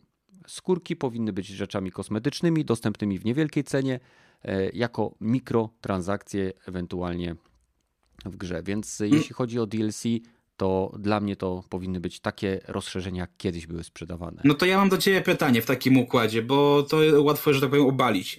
Bo to, co ja Ci powiedziałem, to jest właśnie to w takiej formie live service, tak? Że te ważne rzeczy, typu nowe mapy, nowe bronie dostajesz za free, tak naprawdę to ci idzie w skład gry, Czyli to jest DLC darmowe, a skórki są tymi płatnymi, bo to wiesz, to są takie, wiesz, powiedziałbym śmiecie, które nie wpływają na rozgrywkę. A ty powiedziałeś o takich płatnych dodatkach. To powiedz mi, czy w takim układzie wolałbyś w, y, kultywować taki model, jak masz na przykład w Simsach, tak? Że, nie wiem, każdy pakiet, jakiś e, właśnie, nie wiem, nowy rozdział do tego, do gry, tak jak na przykład Live Service, nie? Że, mm. czy Life is Strange, tak? Że każdy epizod, każda nowa mapa jest dodatku, tak? Który musisz kupić, tak? Tak, tak masz na przykład Simsy, nie? Okej, okay. jeśli mówimy o grze epizodycznej, takiej jak gry od Telltale Games czy Life is Strange, e, to mi się podoba, bo w większości przypadków pierwszy epizod był e, udostępniony na zasadzie gratisu, że można No ale tu mówimy o grze, zagrać. która ma nieskończenie czyli online generalnie bardziej nie, niż... Nie, nie, nie tylko, ale okej, okay, jeśli chodzi, dobra, porównanie Simsów. Simsy mają nieograniczony potencjał symulacji życia e, symulowanych Simsów. Wow, wow, wow. E, dużo S. No. I e, o wiele bardziej podobało mi się, kiedy były dodatki w czasach Simsów dwójki, niż to, co mamy teraz. Bo te dodatki, które są dodawane teraz, to są tak naprawdę pocięte dodatki, które były kiedyś sprzedawane jako Sims Spa, Sims coś tam, coś tam, zwierzaki i tak dalej. Kiedyś A z było dokładnie były... to samo teraz w trójce i czwórce, nie? Tak, chodzi mi o to, że kiedyś te dodatki były obszerniejsze. Mi się bardzo nie podoba w momencie, kiedy dodatek ma zawyżoną cenę, a oferuje, e, na przykład masz jedną trzecią ceny gry, a oferuje coś, co wcześniej w dodatku było tylko częścią kontentu, który kupowałeś za tą cenę. A, no mówię, bo chodziło mi o to, że mówię, no to mówię, teraz mówię, były jakieś przecież do BF-a czy Call of Duty pakiety map, nie? Mm. No to mówię, teraz gdzie masz właśnie na przykład, mówię, live service gry, która na przykład jest, nie wiem, 6 lat, 10 lat jak CS. I tak sobie teraz wyobraź, że przez te 10 lat co kilka miesięcy do CS-a kupujesz trzy mapy. Naprawdę by ci to pasowało w czymś takim? Nie, jeśli chodzi o mapy do gier sieciowych, E, ze względu na dzielenie społeczności na tych, którzy mają premium i nie mają, tak jak to było w Battlefieldzie, uważam było. to za bardzo negatywny model, bo e, zmniejsza możliwość wspólnego grania i dzieli, dzieli społeczność. Mamy graczy, którzy mają podstawową gierkę i ci, którzy mają premium. I później okazuje się, że część graczy może ze sobą grać, a część nie jest w stanie tego zrobić, chyba że wyda dodatkowe 200 zł. No właśnie. E, I tak jak mówię, o wiele bardziej mi się podobają duże, obszerne rozszerzenia do gier singleplayerowych, za które muszę zapłacić, żeby w nie zagrać, tak jak mówię o Wiedźmin, Wiedźminie Trójce, czy właśnie Assassin's Creed Valhalla. E, czy, czy Miles Morales generalnie, bo Miles to też Morales, takie... Last of Us Those Who Left Behind, e, czy nie wiem, co tu jeszcze mieliśmy z takim... Morales nie jest DLC-kiem. Forbidden West. Bo, bo, bo okej, okay. Morales nie jest DLC-kiem, ale jest rozszerzeniem standalone, tak? To, to nie tak, jest coś, co wymaga podstawowej gry, żeby działać. Ale na przykład takie gierki, jak było w Outer Worlds, um, Śmierć na Eradinosie, czy um, nie pamiętam wszystkich tytułów, ale mam je kupione i to są bardzo dobre rozszerzenia. W przypadku gier free to play jest to zupełnie inne rozwiązanie, które wymaga jakby spojrzenia troszeczkę szerzej, żeby tak jak mówię, nie dzielić społeczności, ale w przypadku singleplayerówek ja wolę zapłacić i mieć, mieć dużo kontentu niż takie kapanie jakimiś skórkami i innymi pierdołami. Ale wiesz, można zrobić tak jak było w Mortal Kombat, gdzie do Mortal Kombat 11 też zrobili rozszerzenie fabularne, poprosili za nie 169 złotych, a tej fabuły było dosłownie na dwie godziny. Więc wiesz, to też możesz zrobić, zaznaczyć, że... że gracze płacą po 250 zł za 4 godziny fabuły w Call of Duty. No, jeżeli ktoś kupuje dla kampanii, to tak. No tak, tak. Ale wiesz, chodzi po prostu o to, że wiesz, po prostu wtedy właśnie jest też ta furtka, że twórca gry może powiedzieć, ej, on chce zapłacić nam ileś tam kasy za to, że my zrobimy jakiś taki mocniejszy dodatek. No to wiesz, okay. możesz wtedy iść w tę stronę, że zrobią cokolwiek i poproszą 160 zł poproszę. Ale Gragi, czy ty kupujesz bijatyki dla fabuły? Czy no, kupujesz no, no FIFA dla fabuły? No nie, tak? chociaż, chociaż Mortal Kombat y, jest takim uniwersum, że ta fabuła jednak jest w jakiś tam sposób istotna, tak? Więc Mortal Kombat jest takim wyjątkiem w, y, w bijatykach, że tak, no się kupuje trochę dla, dla tej fabuły, nie? Jako, okay. E, Dariusz tutaj na czacie pisze, czy uważamy, że 134 zł za DLC do Lost Judgment, e, które trwa około 10 zł, 10 godzin, 10 to dużo? E, wydaje mi się, że za 10 godzin gry to nie jest dużo. To jest bardzo dobra To cena. jest będziemy bardzo nawet- dobra cena za rozszerzenie. To, to, i, I właśnie to mówię, właśnie 10 godzin, spoko, ale jakby ci dali za to 2 godziny, no to to byłoby już skandal. A 10 godzin, 130 zł, ja jestem kupiony wtedy, nie? Okej, Kiwaku, jak ty to widzisz? Ja Jakie masz preferencje? I ja nie lubię DLC, które są idiotycznie duże, ponieważ wtedy już bym preferował, żeby deweloperzy po prostu zrobili z tego osobną grę. Tak miałem na przykład, tak właśnie uważam na przykład o, o ostatnich dodatkach do Assassin's Creed Valhalla. Bo z tego co słyszałem, to ten dodatek z Ragnarokiem trwa 40 godzin, czy tam 50 godzin. I dla mnie to już jest, zróbcie z tego osobną grę po prostu. Jaki jest sens robić dodatek na 50 godzin do gry, która już trwa 150 godzin?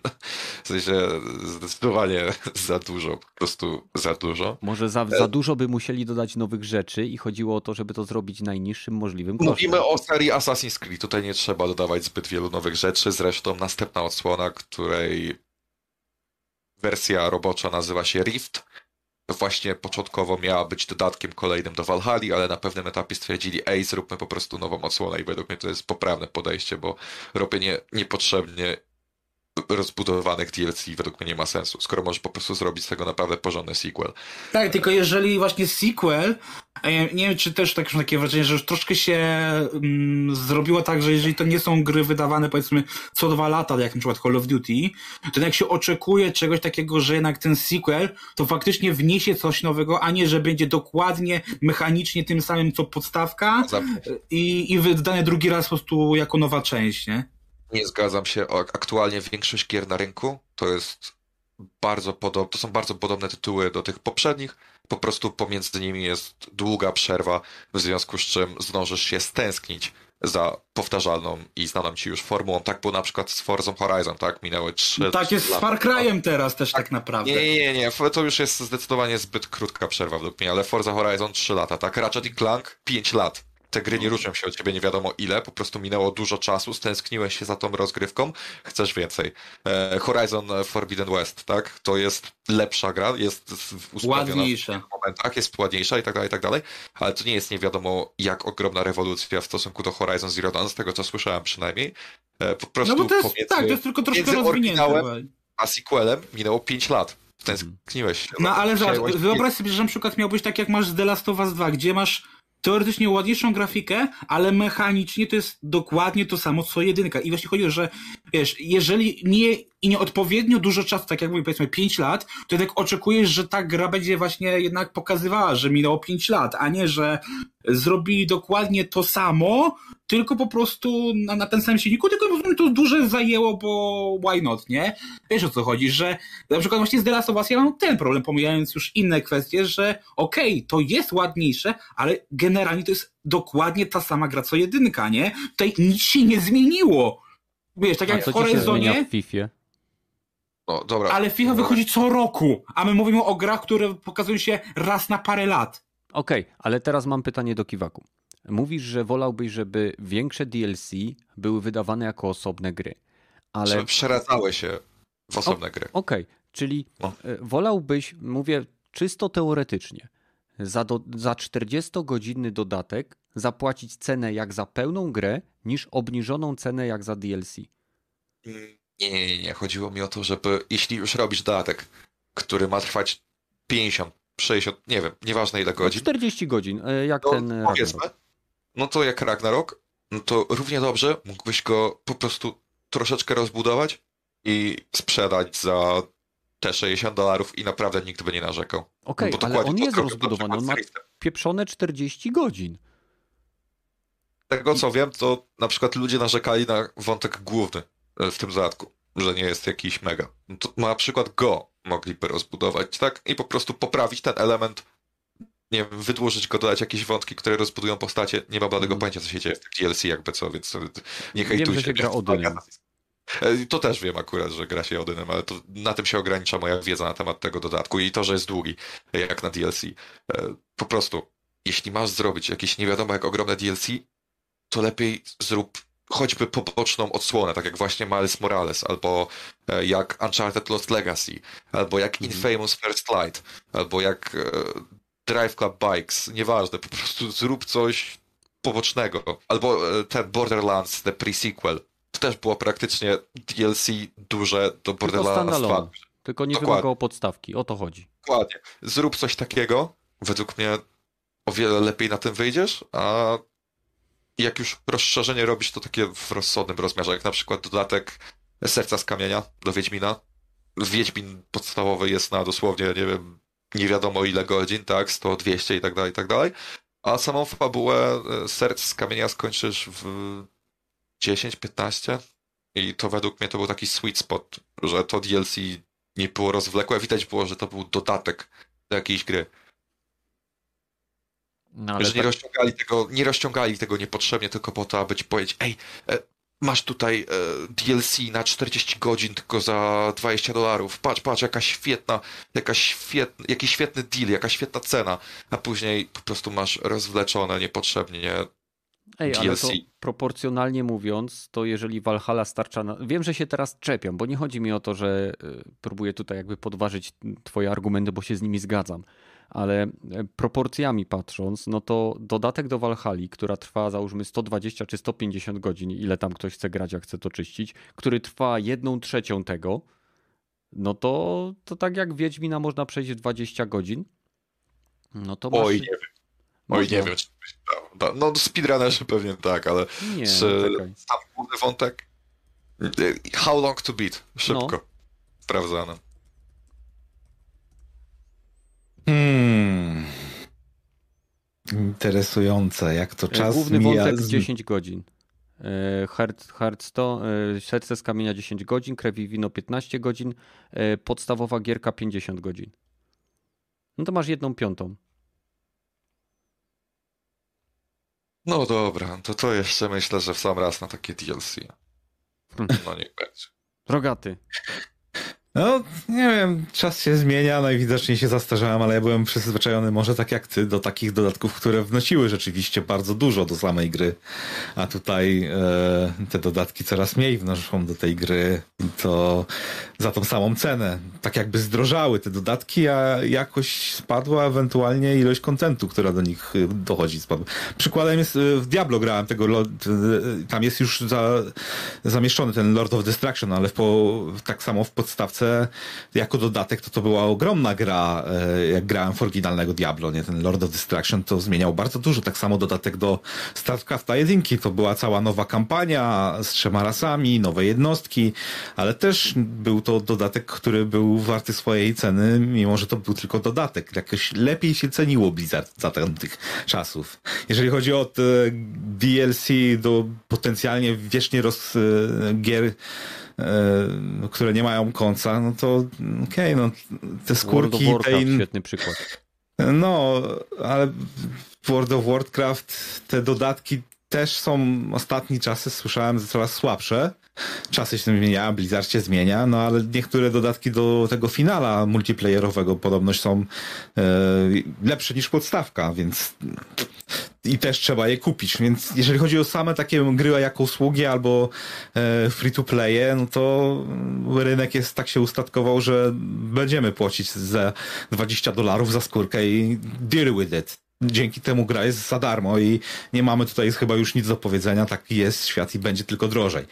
E, z tym, że ja pamiętam czasy, w których na przykład gry, które miały potencjalny y, taki e, potencjał do wiecznej, wiecznego zainteresowania, to niby się to, tak, CS jest tą grą, która już ponad trzecia, trzecia czy czwarta wersja CSGO to już jest y, ponad 10 lat chyba na rynku, jak nie więcej, nie pamiętam. No w tym roku I- będzie 10 lat, tak. No i, i ciągle rzeczywiście dodają co parę lat jakiś dodatek duży i jakiś ciągły support jest za darmo i ta gra teraz też jest free to play.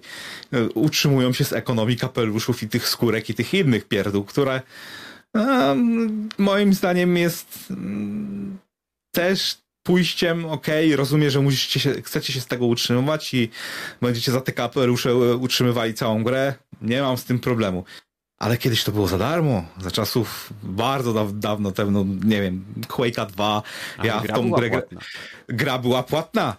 A, to, ale dodatki były wszystkie, te oficjalnie były płatne, ale było też niesamowicie ilość e, dodatków, które mogłeś za darmo zdobyć. Do, nawet Skyrim to ma, że tak, dodatki były płatne i miały swoją wartość, ale ilość dodatków, które były stworzone przez społeczność była e, przytłaczająco większa od tego, co Bethesda stworzyło i niektóre z nich, nie mówię, że wszystkie, niektóre z nich były lepsze od tego, co Bethesda też stworzyło, więc jakby była nadal taka możliwość w tych grach wiecznych mm, tworzenia przez społeczność, gie, y, znaczy kontentu do tych gier i nie uprzykrzałby tego, jak to robi właśnie EA, że nie, nie wolno wam robić żadne, niczego do naszej gry, bo to jest nasza gra, ale wy już jej nie wspieracie, walcie się i tak wam nie wolno, że, że większość Battlefieldów jest niegrywalna bez specjalnych patchy stworzonych przez społeczność, bo niestety EA nie pamięta, co jest przed Battlefieldem 3 i na PC większość tych gier nie działa, bo serwery powyłączane albo usługi powyłączane, więc trzeba się zmawiać na jakichś forach albo czymś w stylu. Jakby tylko udostępnili code, to by im nic nie, nie, nie zaszkodziło, a na pewno by im pomogło e, w kupieniu się dobrze w społeczność starych Battlefieldów i ci ludzie by jednak e, pozytywny feedback dla nich e, produkowali non-stop taki, że okej, okay, nie, jedź, nie, jedź, nie, nie, nie narzekajmy na jej non-stop i na DICE, bo jednak coś się starają, przynajmniej od czasu do czasu coś po pozytywnego w swoim świecie e, growym, w swoich starych grach dają do społeczności, a tutaj nie, pół roku, nara, Teraz już się mówi o nowym Battlefieldzie, mimo że jeszcze ostatni nie był dobrze połatany i dopiero teraz się mówi o... I jeszcze nawet nie ma tych rozszerzeń, które miały być, te cztery sezony, operatorzy... No, wiosna no. miało być, teraz się chyba już przesunęło. Przesunę na lato. Czerwca, to na lato, ojej. Ale tak samo mogę powiedzieć o, o tym, o Halo, że też, też miały być już dodatki, a chyba też przesunęli o kolejne dwa miesiące. Nie, nie ma Forge'a jeszcze. Sezon pierwszy będzie jeszcze trwać chyba co najmniej dwa miesiące. Y, The Division 2 też powiedzieli, że e, przesunęli premierę nowego tam sezonu, czy tam roku siódmego, coś takiego. I tak, tak także no... Specjaliści mają być przerobieni w Division.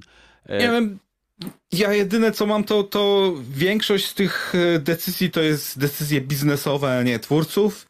I na właśnie biznes e, dochodzi do tego, e, przynajmniej EA i Activision Blizzard dochodziły do takiego wniosku, że hej, potrzebujemy teraz na, na dzisiaj nową premierę, żeby jak najwięcej zarobić, żeby wyniki były, że więcej zarabiamy. Nie, nie potrzebujemy powracających klientów do starych naszych tytułów, bo nie możemy za bardzo z nich wyciągnąć jakąkolwiek kasę. Więc zabijamy poprzedni tytuł, przechodzimy do następnego i to jest głównie teraz takie podejście, że tak, co roku nowe Call of Duty, no ale nie możemy zabijać poprzedniego Call of Duty, bo jeszcze ludzie w to grają, więc teraz się roz, rozwadniamy coraz bardziej, no. no I tak Call of Duty to, to, już trwa z 12-13 lat, więc to już nie jest e, takie... Ej, podobno ma być zmiana teraz, e, że nie będzie tego No i to jest też trochę niepokojące. Bo remastera dostaniesz pewnie tak jak było z Modern Warfare, czyli dostaniesz tylko kampanię i, i tyle, i się ciesz. A potem będzie dalej pchane Warzone będzie. I dobrze. No... Znaczy jest to nie, z jednej strony dobrze by było, gdyby do tych już obecnych po prostu tworzyli nowe, nową właśnie zawartość, a nie, że po prostu pewnie przez te dwa lata, czy tam ile się w świecie Call of Duty tak naprawdę nie będzie nic działo i prostu musisz się tym, co masz już cieszyć, nie? Znaczy, największy problem Activision i Call of Duty i teraz oczywiście też Microsoftu jest to, że Activision Blizzard chciało mieć ciastko i zjeść ciastko. Chciało wydawać co roku Call of Duty e, i, I wydawało pełną kasę. i wydawało. E, I e, oprócz tego stworzyło Warzona, który też chce monetyzować. I oni tak naprawdę w, podczas ostatnich kilku premier próbowali w jakiś w miarę sprytny sposób pożenić te wszystkie rzeczy, czyli wydawanie kolejnych kodów, e, dodawanie modyfikacji do Warzona i żeby to wszystko się działa, działo. No i, i generalnie kod na tym cierpiał, bo Warzone sobie tak. żył, ale ten tradycyjny Call of Duty Bats no, na tym przecierpiał, niestety. No Więc więc e, generalnie e, ja widzę, że ja i Rogaty to e, jesteśmy dosyć mocno oldschoolowi, jeśli chodzi o DLC, czyli lubimy dużo i w dobrej cenie. No a tutaj oczywiście mamy też troszeczkę inne podejścia. Kiwaku z kolei e, woli e, odpowiednio proporcjonalnie, żeby to było rozsądne, a jak jest za duże, to lepiej zrobić z tego nową grę. A Gragi... Ale to będzie dokładnie ta sama wtedy gra, tak jak właśnie tutaj Okal fajnie powiedział, że jeżeli Dość. to będzie dodatek wydany powiedzmy po dwóch latach, to jest dokładnie ta sama gra, I tak jak właśnie masz z Ragnarokiem, nie? Ja mówię, ja już wolę poczekać dodatkowy róg, ale e, wprowadźcie jakieś zmiany w tej grze, zróbcie coś jeszcze, a, a nie tylko nowa fabuła i, i, i nara, nie? Wiesz o co chodzi. Więc wiesz, ja serii wysokobudżetowych aktualnie, nieważne czy czekasz na sequel rok, dwa czy pięć lat, nie zmienia się prawie w ogóle. To prawda. Pomiędzy GTA 4 a GTA 5 minęło 5 lat i jedne co te gry różni tak naprawdę to to, że GTA 5 jest ładniejsze, ma trzech protagonistów i to jest Mam- duża zmiana. i ma mniej detali. Bo w GTA 4 było więcej smaczków takich. No bo mówię, ja też singlowo lubię te dodatki, nie? Ale powiedzmy szczerze, że mówię, jak patrzę na tego Milesa Moralesa, nie? Mówię, dla mnie, mówię, to jest niby dodatek standalone, rozszerzenie standalone, ale to jest mimo wszystko dla mnie jest właśnie taki dodatek, który kosztuje no niemało, nie? E, więc dla mnie to jest właśnie to, że ja wolałbym już mówię, odpuśćcie sobie tego Milesa i rozwijcie to w pełnoprawną grę, e, którą Czyli dodacie do... większego Milesa. Tak, po prostu ja właśnie chcę, że mówię, to co Kiwaku zrobił, tylko że nie na tym samym dokładnie silniku, ale już to zrób po prostu na, na czym, coś wprowadź w coś więcej, nie? Tak jak na pewno Spider-Man 2 w przyszłym roku prowadzi pewnie, że dwóch bohaterów będziesz mógł naraz kontrolować, więc właśnie ja jednak od takich wtedy rzeczy chcę jakichś większych zmian, a takie właśnie dodatki na 10 godzin są dla mnie jak najbardziej spoko, tylko, że ja nie oczekuję, że będą, ten, że to jest po prostu dokładnie ta sama gra, tylko że nowe treści, więc mówię to y, w singlach inaczej do tego podchodzę też y, właśnie tak jak wy mniej więcej, ale jeśli chodzi o te długoletnie gry, no to, to mówię, ja wolę dostawać regularnie za darmo nową treść, a nie chcę monetyzują to rzeczami, które nie wpływają na rozgrywkę, nie? Okej, Gragi, a powiedz mi teraz, e, czy podoba Ci się plotka na temat prac Microsoftu nad udostępnieniem wersji Game Passa w trybie rodzinka? No, jak ja to usłyszałem, to ja wziąłem to za Prima Aprilis, bo to wyszło, przynajmniej ja to znalazłem w Prima Aprilis, dlatego ja na początku w to nie wierzyłem. Mhm. A no dlaczego ale nie jeż... wierzyłeś? no bo to jest Prima Aprilis, tak? No No, ja w rozumiem, Prima Aprilis dlaczego- ciężko w coś człowieku wierzyć, nie? Nieprawda. Znaczy, okej, można nie wierzyć we wszystko, ale dlaczego informacja o, pojawieniu się planu prze, przewidzianego dla grupy użytkowników, dla rodziny, wydała ci się mało prawdopodobna? Pomijając A- sam fakt, że był Prima Aprilis, czy ty, wydaje ci się to nierealne? Znaczy, nie, właśnie sam pomysł tego, tym bardziej, że Game Pass chce być takim Netflixem dla graczy, to to mi się wręcz wydaje spoko, nie? Tylko wtedy też właśnie powstaje też to, co mamy w Netflixie, nie? Że jeżeli masz e, taką tryb rodzinny, no Mhm. to dla wydawców się to nie do końca opłaca, ponieważ wiesz, część ludzi będzie się zrzucać na jedną osobę, a dla wydawcy zawsze jest lepiej, że nie wiem, trzy osoby to są trzy abonamenty, trzy razy kupione to samo, wiesz o co chodzi, że Znaczy, dlatego mi się rozumiem. to nie wydaje. Z punktu widzenia ekonomicznego myślę, że wy- wydawca e, ma absolutnie gdzieś, e, tak długo jak, bo pewnie to będzie teoretycznie podniesiony abonament, czyli nie będzie ten, który jest teraz, tylko będzie wyższy.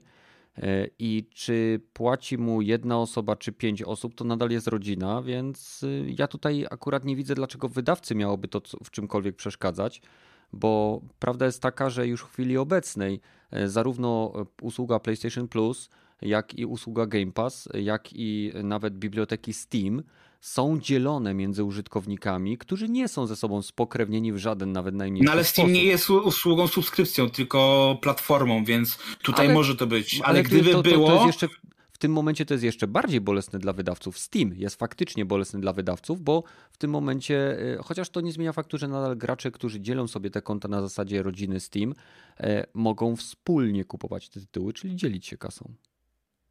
I to, to, to pod tym kątem jest mówię, ja, ja to preferuję jak najbardziej, nie? Ale mówię, w przypadku subskrypcji, e, jeszcze gry, no to mówię, fajnie by było, cieszyłbym się bardzo, ale właśnie ten punkt ekonomiczny i podejście jak Netflix, nie? Teraz, że są nawet, że jak będziesz chciał dostać e, pasy człowieka, to będziesz musiał e, płacić jeszcze za to, żeby on ci udostępnił pasy, coś takiego tam czytałem, takie, że Mówię, dlatego ja się tego boję, że pod tym kątem mówię, super by to było, ale nie wydaje mi się to do końca możliwe z punktu ekonomicznego, nie?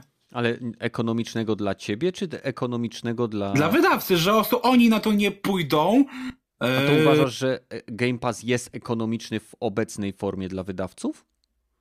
Dla wydawców gier, e, no to tak pół na pół, bo e, dla wydawców takich, wiesz, jak EA Plus i tak dalej, tak mhm. nie, no to wydawca dostaje określoną sumę, że na jakiś tam czas udostępni swój tytuł. Jak najbardziej dla nich to jest na, może nie na dłuższą metę, ale na jakiś tam czas jest to dla nich tam bardzo spoko, nie?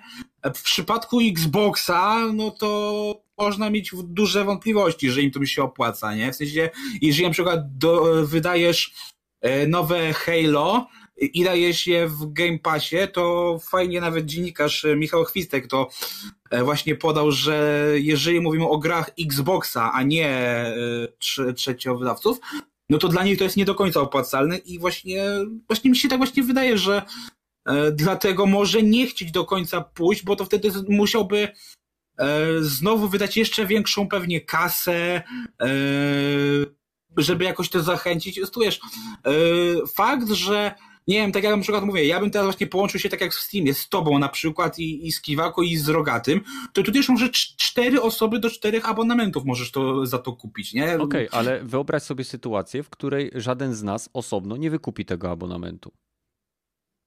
Czyli ty nie wykupisz, bo, bo nie wiem, bo nie chcesz tyle wydawać, ja nie wykupię, bo mnie nie stać, Kiwaku nie wykupi, bo akurat tak średnio go to interesuje, a Rogaty nie wykupi, bo albo po, po cholerę, nie? Biedny jestem. Powiem Biedny więcej. Kiedy już się subskrybuje w rodzince, no to masz takie poczucie, że a, w sumie nie ma co anulowywać, no bo tylko sprawię chłopakom problem, a ja, mnie to praktycznie nic nie kosztuje, tak? Nie będą musieli szukać nikogo nowego do tej rodzinki. No to będę płacił dalej, co mi szkodzi, nie? W sensie, właśnie tego typu plany wywołują tego typu mindset. Ja na przykład nigdy nie zrezygnuję z Netflixa, bo moja matula uwielbia Netflixa, więc... No, a mogłaby sama wydawać, widzisz? Mogłaby nie zrobić... tej przykrości. Znaczy, ty nie, ale Netflix już pomyślił, że ej, mamy dziewczynę, kobietę, która mogłaby nam płacić, ale nie płaci, bo ma kiwako, nie? Ej, zaraz, zaraz. Netflix ona... ma możliwość na najwyższym pakiecie obsługi czterech kont niezależnych mm, z możliwością streamowania. To jest przewidziane do rodziny czteroosobowej. No ale nadal musisz sześć, tych wywalić, nie? Ten, ten, a może to nawet, wiesz, to się może wtedy tam przerodzić nawet, e, tam możesz tych kont e, natworzyć ileś tam, nie? Ale jest ten limit tylko, że czterech osoby w danym momencie, nie? Więc tak, Zgadza. wiesz, jeżeli na przykład, nie wiem, stworzysz, stworzysz 10 kont, 10 kont na, na tym jednym, no to tylko cztery z niego będą mogły korzystać w danej chwili, więc wiesz, a co z resztą? E, wiesz, no, kiedy zdarza się sytuacja, że więcej niż cztery osoby chcą robić konkretną czynność w tym samym czasie? To prawda. Naprawdę rzadko się tak zdarza, uwierz. Nie wiem, ale wiesz, chodzi, że już nie mówię, tak patrzysz na to, to tak, no kurde, 10 osób mi opłaca Netflixa, no to równie dobrze 10 osób mogłoby sobie same za to Ale wtedy koszt byłby zauważalnie wyższy.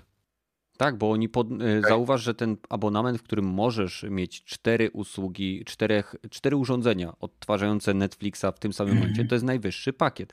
Kiwaku, jak, jak ty uważasz, czy na przykład Xbox Game Pass w wersji rodzinnej y, pomoże Microsoftowi uzyskać jeszcze wyższą dominację, jeśli chodzi o usługi streamingowe związane z gamingiem? Oczywiście, że tak. W sensie to jest kolejny krok w podkreśleniu tego, że jesteśmy Netflixem do gier. To jest naturalna ewolucja. E, tego typu plany zachęcają ludzi, niezależnie od tego, czy do końca są tą e, subskrypcją zainteresowani, czy nie, aby spróbować, bo praktycznie nic ich to nie będzie kosztować. W sensie, jak dzielisz się z znajomymi, nie wiem, pięć osób, kupujecie Netflixa, tak? No to ten koszt jest tak mikroskopijny, że nawet się go nie zauważa przez większość czasu. Mhm. No i wtedy nawet nie zauważasz, że potem nawet zrobić te zrzutki, nie? To to wiem z autopsji. Tak, tym bardziej nie chce ci się później e, anulować tej subskrypcji, tylko po prostu kontynuujesz, kontynuujesz, kontynuujesz. Nigdy nie rezygnujesz z Netflixa, bo nie masz po co. No, mikro, mikroskopijny koszt. Dużo kontentu, nawet jak mnie coś nie No to teraz zobacz, jak się HBO fajnie wysłaniło. 19.99 do końca marca było, albo jak Dokładnie. byłeś tym i zobacz, tam pięć osób m, w, w, ty, w tej pakiecie może us, ten i zobacz. I wtedy wystarczy, że jedna osoba płaci 19.99 i masz, i masz spokój, nie? Cała rodzina powiedzmy ma Tylko spokój, zaraz, nie? zaraz. W tej usłudze e, HBO Go urząd... może być to odtwarzane chyba na dwóch urządzeniach jednocześnie. To nie jest tak, że może być pięć. Oni osób. chyba teraz zwiększyli, nie wiem, no właśnie. Nie wiem, nie chyba sprawdzałem. do W każdym pięciu. razie mamy HBO i ta usługa, ta, ta promocja bardziej polegała na tym, że jeżeli wykupiłeś do końca marca, to na całą. Na cały czas trwania regularnego opłacania abonamentu masz dożywotnio 33% mniej. Niezależnie od tego, jak zmienią się ceny, tak długo jak będziesz regularnie płacił, masz 33% niższy abonament. No. Okej, e, czyli co? W przypadku Kiwaku z, jego, z twojej perspektywy jest to jakby kolejny naturalny krok, ewolucja Game Passa i jakby chęć ucementowania swojej pozycji jako już myślę można to śmiało powiedzieć lidera, jeśli chodzi o e, abonamentowe usługi gamingowe. No tak, no każda subskrypcja musi mieć jakiegoś rodzaju hook, haczyk, który macie zachęcić do tego, abyś nie rezygnował z subskrypcji. E, PS Plus, o którym mówiliśmy wcześniej, ma właśnie to, że e, im, im na dłuższy okres będziesz opłacał subskrypcję, tym ona się staje tańsza, tak? Więc od razu cię zachęca do tego, abyś kupił na nie wiadomo ile do przodu Mhm. i później najlepiej zapomniał o tym, że ci się odnawia ta subskrypcja, tak? E, a tutaj Game Pass no, po prostu chcą zredu- zredukować e, koszty, jakie będą musieli podnosić indywidualni e, abonenci, tak? Ale żeby nie rezygnowali z tej subskrypcji. Mhm. Rogaty, ty jako No. abonent Xbox Ultimate, jak widzisz taką opcję, rodzinka? No, dla mnie osobiście to raczej nie byłoby jakoś wielkim plusem, bo i tak nie będę się raczej z nikim dzielił tym. Chociaż ostatnio kuzyn się mnie pytał, e, bo chce sobie Xa SS-a kupić i jak, jak, SS. jak, to, jak to robić z tym, tym Game Passem i mu pokazywałem stronkę tani Game Pass czy coś w tym stylu i tak to się aktywuje, tutaj się wklepuje kod i tak to masz przypisane do swojego konta.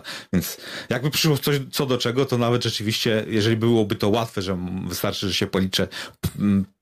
nie wiem, nie pożyczę konto, tylko e, dam mu linka i będzie miał dostęp do tego, to okej, dobra, masz i tak mnie to nie będzie nic, jeśli mnie to nie będzie znacząco więcej kosztowało.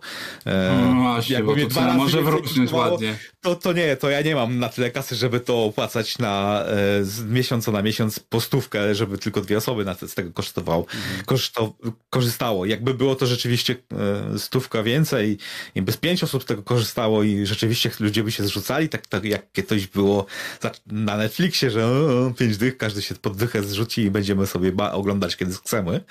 Takie coś się dużo robiło. No to No. też bym reflektował na to, ale troszeczkę ech, z punktu cynicznego ta wiadomość podobnie jak e, dla Gragiego ha, tak bardzo blisko prima premisa i po ogłoszeniu Sony, że coś tam kombinują, taki powiedziałbym taktyczny przeciek się pojawił na stronie, która jest dosyć wiarygodna. No jeżeli e, rzeczywiście ludzie będą o tym gadali, to rzeczywiście coś takiego zrobimy, ale jak nie, to wiecie, to to był prima primis i walcie się. Też, też mam bardzo cyniczne podejście do tego, że to była... Ale jakby było, to chętnie skorzystam, nie? No, pół, pół odpowiedź na to, co, ma, co Sony powiedziało, że a nie, a Game Pass może być nawet tańszy, e, ale to pożyjemy, zobaczymy, jak to rzeczywiście się okaże, pra, že prawdziwe ta plota będzie rzeczywista. Jak będziemy znali ceny i jak będzie się właściwie to łączyło, bo to, to, to o czym Kiełaku też wspominał, że wiele osób, jak się rzeczywiście masz ten fear of missing out, ale też nie chcesz komu zabawy psuć, to, to mi się wiele razy zdarzało, to co gramy panowie, a ja tego nie mam, a to mi się nie chce, a tego też nie mam. I biblioteka, każdy z nas po 200, 200 500 gier i nie możemy sobie znaleźć jedną, w którą gramy. Jedna osoba kupuje Game Passa, dobra, mam Game Passa, wszyscy dostają linka, gramy w tą grę. To też by było zajebiste dla mnie, bo, bo to, to zwłaszcza, że tam w Game Passie jest bardzo dużo multiplayerowych gierek i nawet by mnie to nie bolało, jakbym musiał raz w miesiącu zapłacić więcej e, niż za normalnego tego Ultimata, żeby móc się podzielić i pograć sobie z kimś, nie? Macie, pogramy se. no. No. przynajmniej miesiąc. Ja mam taki na przykład problem z niektórymi gierkami, bo na przykład chciałbym sobie zagrać w Hand Showdown. Tak? Interesuje mnie to Extraction Royale, które tam jest, ale nie dość, że trzeba tą grę kupić, to jeszcze osoby, które miałyby ze mną zagrać, musiałyby mieć plusa. I to są dwa poziomy bariery, które ktoś musi przekroczyć, żeby móc ze mną zagrać. A w chwili obecnej rynek jest tak nasycony tytułami multiplayerowymi, że jakby ugadanie się w grupie, nawet tak dużej jak nasz Discord, jest problematyczne bo y, są ludzie, którzy mają określone preferencje, grają w określone tytuły i czasem po prostu trudno się spotkać na tym samym skrzyżowaniu. I taki Game Pass, mimo że pewnie Microsoft by miał w regulaminie, że tylko pomiędzy członkami rodziny, ale wiadomo jak to działa u nas w Polsce. Y, jest po prostu sytuacja, gdzie ludzie sobie dzielą ten abonament z jakichś tam różnych powodów. Nie zawsze dlatego, że ich nie stać, tylko po prostu chcą przycebulować i zapłacić mniej. Więc na pewno byłoby to na plus dla Microsoftu, na pewno zwiększyłoby to ilość osób, znaczy inaczej, nie, nie ilość osób, tylko zwiększyłoby to ilość aktywnych kont, które opłacają regularnie Game Passa, tak jak wspomniał Kiwaku, bo kiedy się spotkamy i zaczynamy płacić i mamy tą grupę naszych znajomych, to jeżeli to kosztuje 10 czy 20 zł miesięcznie, e, biorąc pod uwagę całkowity koszt, to aż głupio się wycofać, bo chłopaki przecież grają od czasu do czasu, choćbym raz w miesiącu z nimi zagrał, no to to nie jest wysoki koszt. Więc no zobaczymy, jak, jak restrykcyjne to będzie, jak to będzie funkcjonowało, jak to będzie działało. E, ja osobiście na pewno byłbym ciekaw, w jaki sposób by to wpłynęło na obecność Game Passa w Polsce, no bo tak jak mówię, e, niby nie wolno się dzielić, ale wszyscy. Znam osoby, które dzielą się na przykład plusem, znam osoby, które dzielą się Game Passami, znaczy nie Game Passami, tylko w sumie Game Passem też ale znam osoby, które dzielą się, dzielą się na przykład swoją biblioteką Steam e, i czy, czy kontami HBO, Netflixa i tak dalej. To, to nie jest szczególnie skomplikowane i tak długo jak nie będzie to jakoś szczególnie gonione, no to się będzie działo nie tylko w Polsce, ale także na całym świecie. No.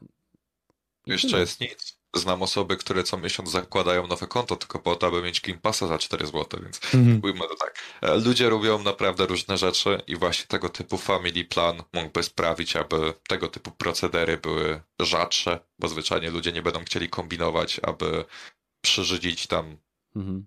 minimalnie. No ale to już nie będzie kosztować 4 zł, tylko powiedzmy 40. Nie wiemy, ile będzie kosztować, tak? To jest dopiero, że mm. mają w planach to wprowadzić w tym roku. Zobaczymy, jak to będzie. Ja się tylko zastanawiam, czy, e, czy dalej będzie możliwość e, płacenia po prostu z miesiąca na miesiąc, czy może zrobią to tak jak Nintendo, e, które walnęło, że ta lepsza wersja Nintendo Switch Online, e, Nintendo Switch mm. Online plus Expansion Pack, kiedy ty to bierzesz w Family Planie, to możesz wziąć tylko za rok nie ma opcji mm. za miesiąc, jest tylko rok. Więc e, trzymam mm. kciuki, że Microsoft nie odwali takiej maniany. E, oni nie słyną zbytnio z e, robienia takich rzeczy i trzymam kciuki, że tutaj też tego nie zrobią. Bo no, ludzie powinni mieć możliwość płacenia z miesiąca na miesiąc, a nie tylko z góry za rok, tak? No tak. No i myślę, że tym akcentem możemy przejść do tematów nieplanowanych. Macie jakieś nieplanowane tematy? Jakieś e, żarty z 1 e, kwietnia rogaty wpadły ci w oko, bo tam widzę wstawiałeś do pomysłów na dropin e, link. To były z tego PC Gamera. To, tak. to, to, to, to fajne. Znaczy HyperX, że tą klawiaturę właśnie z trawką posianą na klawiszach i myszkę, to, to, to ciekawe. E, nie NXT, nie wiem czy jedna z firm, co robi klawiatury, chyba Oh man, nie pamiętam, która, bo tego akurat tam nie było. E, w każdym razie zrobili klawiaturę, która się składa z jednego klawisza, z, z jakiego? F, jeżeli nie wiesz. I tylko jeden klawisz na ten. I, i profesjonalnie działa, podłączasz tą USB i wszystko chodzi, nie? To, to, to było jedno z ciekawszych rzeczy. E, Razer ten Active Feedback Shoot zrobił, gdzie pokazują e, jak się gościu ubiera, jak to się walczy i tam dostaje baty chyba w Elderlingu takie, że kurwa kładzie się na ziemię i zaczyna płakać. Więc to, to, to fajny, fajny shoot feedback był. A powiedz, no. y, i ogólnie mam też pytanie do was i do czatu. Czy preferujecie bardziej takie E, bardzo łatwo rozpoznawalne żarty na prima aprilis, czy takie bardziej subtelne, jak e, takie, że nie do końca jesteś pewien, czy to jest prawda, bo wiadomo, klawiatura posiana trawą, no bądźmy szczerzy, tak? E, suit, który, wiesz, feedbackowy, który bije cię do poziomu płaczu, gdzie leżysz, to też do pewnego momentu na pewno mogło się wydawać realistyczne, A, ale czy takie bardziej wiecie, gdzie patrzysz na to i, i zastanawiasz się, że naprawdę Steve'o będzie kręcił film y, o symulatorze kozy. I są nawet, ja nawet dostałem scenariusz, można się było, jest właśnie tam, się można było zgłosić i wiesz, był konkurs na TikToku. Mhm.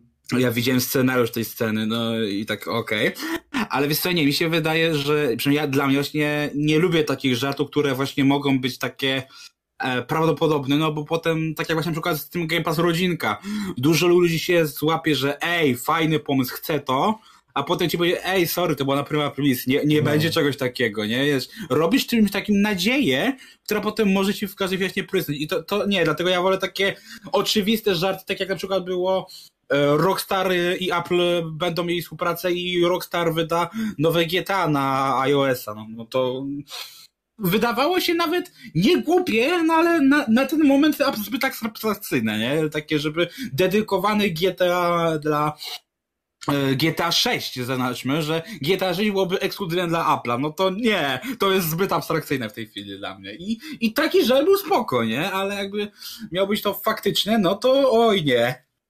Mhm. Kiwaku, a ty jakie, jakie formy ja... żartów na Prima Aprilis lubisz? Ja osobiście lubię te najbardziej odjechane i odlatujące kompletnie w kosmos, jak na przykład e, kiedyś był ten żart e, od Sony z z bre brelokami, e, z realnymi konsolami w oryginalnej wielkości, tak, czyli brelok, który ma PS3 mające tak pół metra na pół metra. E, to było według mnie prześwietne. Też e, w tym roku, z tego roku do kolekcjonerki rzekomo do kolekcjonerki nowego Sonika Sega stwierdziła, że doda wanienkę i wodoodporną konsolę, tak, żeby zasugerować fanom Sonika, że powinni się w końcu umyć. E, to też było według mnie bardzo zabawne.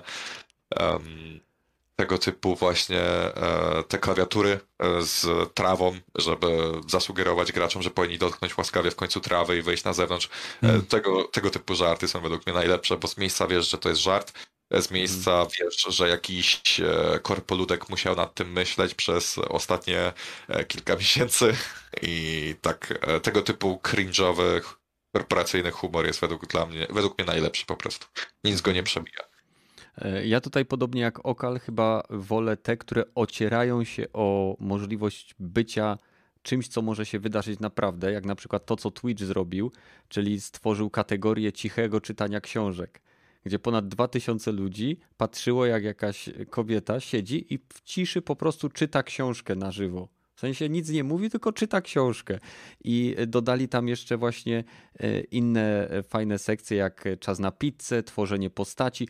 Tworzenie postaci powinno być autentyczną sekcją na Twitchu, bo kto grał w dobrego CRPGa wie, że jak się uruchamia grę, to czasem mija ładnych kilka godzin, zanim ją rozpoczniemy, więc e, podobają... Dlatego powstały Simsy. Akurat Simsy nie, ale takie gry jak Icewind Dale, takie gry jak E, nie wiem, Divinity Original Sin. To, to mi się podoba właśnie, że nie, nie jesteś do końca pewien, czy to jest prawda, czy, to, czy, to, czy ten poziom absurdu już doszedł do naszego społeczeństwa, czy jeszcze nie.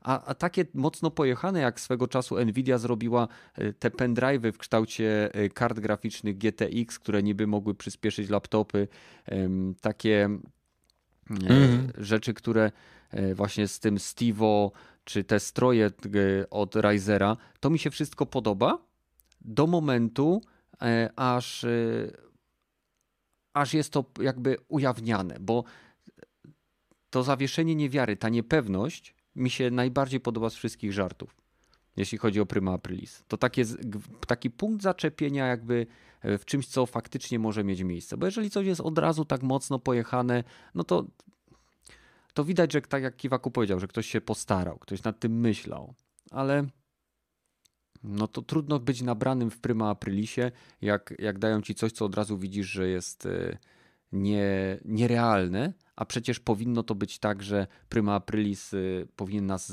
jakby wprowadzać w błąd, że to jest jednak coś, co może mieć miejsce. Z jednej strony tak, ale z drugiej strony, kiedy zostajesz realnie nabrany, to możesz odczuć negatywne emocje, a korporacje często nie chcą, abyś odczuwał negatywne emocje, więc e, często po prostu dają ci taką typową cringe'ową, która ma sprawić, że albo się będziesz zwijał z, e, zwijał z żenady, albo że się po prostu uśmiesznie, uśmiechniesz i powiesz haha, całkiem, całkiem. I według mnie właśnie to poczucie haha, całkiem, całkiem to jest e, rzecz bardzo unikalna dla branży gier wideo, bo korporacje się zwyczajnie starają być jak najbardziej pokręcone i jak najbardziej nietypowe, jeśli chodzi o swoje żarty na Prima Aprilis. I No, ostatnio przecież ten Redzi fajny żart powiedzieli e, Prima Aprilisowy, że jak tworzą nowego Wiedźmina, to pod nowym kierownictwem nie będzie crunchu. I to mogło być e, dobrym żartem na Prima Aprilis. tak, tak, to, to, to brzmi jak ten mniej realny żart na Prima Aprilis według mnie. Dokładnie. No dobra, czy macie jeszcze jakieś inne ciekawe e, informacje na sekcję nieplanowaną? Wrzuci- Wrzucałeś jakiś filmik o zmianach w mapkach Battlefielda To najnowszych. też na April Fools było. Nie, to akurat była prawda chyba. E, Nie, no właśnie e, w aktualizacji, która ma się pojawić za jakiś czas, mają być wprowadzone e, zmiany na chyba na kalejdoskopie, czyli ma być więcej miejsc, gdzie piechota może się ukryć przed em, ostrzałem snajperskim, który na tych pustych przestrzeniach między punktami był powodem śmierci wielu graczy, zwłaszcza jeżeli się grało w, na konsolach z e, crossplayem. Em, Same punkty i jakby czas podróży między punktami ma zostać zmniejszony, więc zobaczymy, jak to będzie wyglądało. Mają się zupełnie nowe geometryczne i e, no po prostu nowe elementy otoczenia pojawić na mapach, to całkiem myślę ciekawie wygląda. E, Nie wydaje mi się, żeby to mogło długoterminowo uratować grę, bo widzę tutaj troszeczkę podejście takie, jak miało miejsce w przypadku Anthem, gdzie robimy coś, a tak naprawdę już y, gdzieś za kulisami mówimy, że powstaje nowe studio, które ma pracować nad kolejnym Battlefieldem. Więc nie wiem, nie wiem co będzie z tym Battlefieldem. Mam nadzieję, że, że, że coś z tym zrobią, bo no czuję się źle. Czuję się źle, że kupiłem tą grę, a to nie jest coś, co pozytywnie wpłynie na chęć zakupu kolejnej części. No Może ale to, jest- to jest ta miłość właśnie do Befa, że za każdym razem myślisz, że coś się, to jest taka, wiesz, ta definicja szczęścia, o której mówił Was, nie? Robisz dokładnie to samo i masz wrażenie, że może tym razem będzie inaczej, nie? Nie, nie, to jest definicja FIFA. Będzie darmowy? Może nie będziesz musiał go, pu- go, go kupować po prostu. Ale ja go już kupiłem. Mówię o następnym, tak? Że Aha. następny będzie free to play. Może. Mm, może. Był jeden, były swego czasu BFP free to play i, i zdechły, bo nikt w to nie grał. Był. Battlefield Play for Fry yy, No był. dobra, Free to to play było też był. ponad temu, tak? Łówmy się. No, a Battlefield Heroes był takim proto Fortnite'em generalnie. No. E, To był bardziej chyba hero shooter taki. Że pamiętam. No tak, ale wiesz, y, Z ta koncepcja, y, tak, trzeciej osoby, kolorowa. takich- Dokładnie, takiej grafiki To- to mówię, cukierkowej. To był proto Fortnite. Mm. A jeszcze teraz Fortnite y, zrobił, że usunął budowanie i możesz teraz faktycznie jest tryb, gdzie po prostu naparzysz się jak w rasowym tam TPS-ie, więc no kurde. Muszę sobie ściągnąć właśnie tego Wbrew to- Fortnite'a, bo nie grałem w Fortnite'a głównie dlatego y, przez to budowanie, bo nie byłem w stanie wybudować osiedla domków jednorodzinnych w pół sekundy walcząc jednocześnie z gościem z karabinem, więc Mm. No szczerze, ja też jestem teraz... Ja, ja też właśnie sobie pobrałem, żeby to pobrać, zobaczyć, więc możemy no, się zmówić. mamy, mamy ekipę, tercety możemy No. grać. Em, Co chciałem jeszcze powiedzieć, E, wyszedł, e, wyszła nowa wersja e, Apexa przystosowana do PlayStation 5. Nie wiem, czy wyszła, czy ma wyjść. E, W chwili obecnej gierka działa w 4K, w 60 klatkach, są jakieś tam drobne jeszcze poprawy i Mhm. pracują jeszcze, już zapowiedzieli, że pracują nad kolejnymi usprawnieniami, ale w chwili obecnej chyba nie jest zapowiedziany, brak zapowiedzi trybu 120 klatek. E, Może on się pojawi później, ale na chwilę obecną mamy 60 klatek w natywnym 4K. Mm, To i tak już coś. No. No, bo to, to jeszcze też nie jest tak do końca standardem, nie? Ale no, to Badel pewnie się będzie cieszył, nie? Nie, ja też muszę sobie to pobrać, bo tak jak mówię, no zwłaszcza, że tam doszedł jakiś tryb y, Capture the Flag, czy jakieś inne takie arenówki typowe. Okej, się masz moje zainteresowanie. No, no, no. Obiło mi się też, że wyciek był z tego, że z osiem nowych postaci już mają w produkcji, do Tak, trzy tak. nowe mapy, coś w tym stylu było też jeszcze. Nowe akurat zobaczyłem, bo kiedyś też były przecieki i okazywało się, że to były fejkowe przecieki, albo Mm. że e, ten e, Re- Respawn specjalnie umieściło jakieś e, pseudo pierdoły w plikach gry, aby zmylić graczy. Kiedyś pamiętam, że e, zrobili trailer, który zapowiadał jakąś postać i pod koniec tego ta postać umierała i pokazywali postać, która realnie zostanie dodana do gry, więc e, tak, e, oni lubią chyba tak e, majstrować. Też kontrolowany przeciek, też uważasz? Że... relacje. Też możliwe. No, jeżeli. Prawda jest taka, że w dzisiejszych czasach, jeżeli firma, firma zna zasady działania data miningu i ogólnie społeczności graczy, to muszą się dostosować do sposobu, w jaki my teraz pochłaniamy informacje, które są wykradane z kodu gry, czy wy, wy, wyszperane w kodach gry. Więc y, to jest po prostu przystosowanie się do obecnych realiów, jeśli chodzi o przepływ informacji i ich zdobywanie. Faktycznie mogli to zrobić po prostu po to, aby pokazać, ej, mamy jeszcze 8 postaci planowanych, patrzcie, e, ta gra będzie jeszcze żyła przez grube lata, tak? Będziemy dodać do niej zawartość przez jeszcze 8 sezonów. O, patrzcie, Więc- Badly się pojawił na czacie. O, Respawn dobrze robi. A no, no, Wystarczyło Apexa wspomnieć i przyleciał. Pobrałeś już wersję Battle na PlayStation 5? No. Od razu mógłby napisać, czy w ogóle jest dostępna. O, mógłby napisać, tak jest. Macie O. jeszcze jakieś nie, nieplanowane temaciki?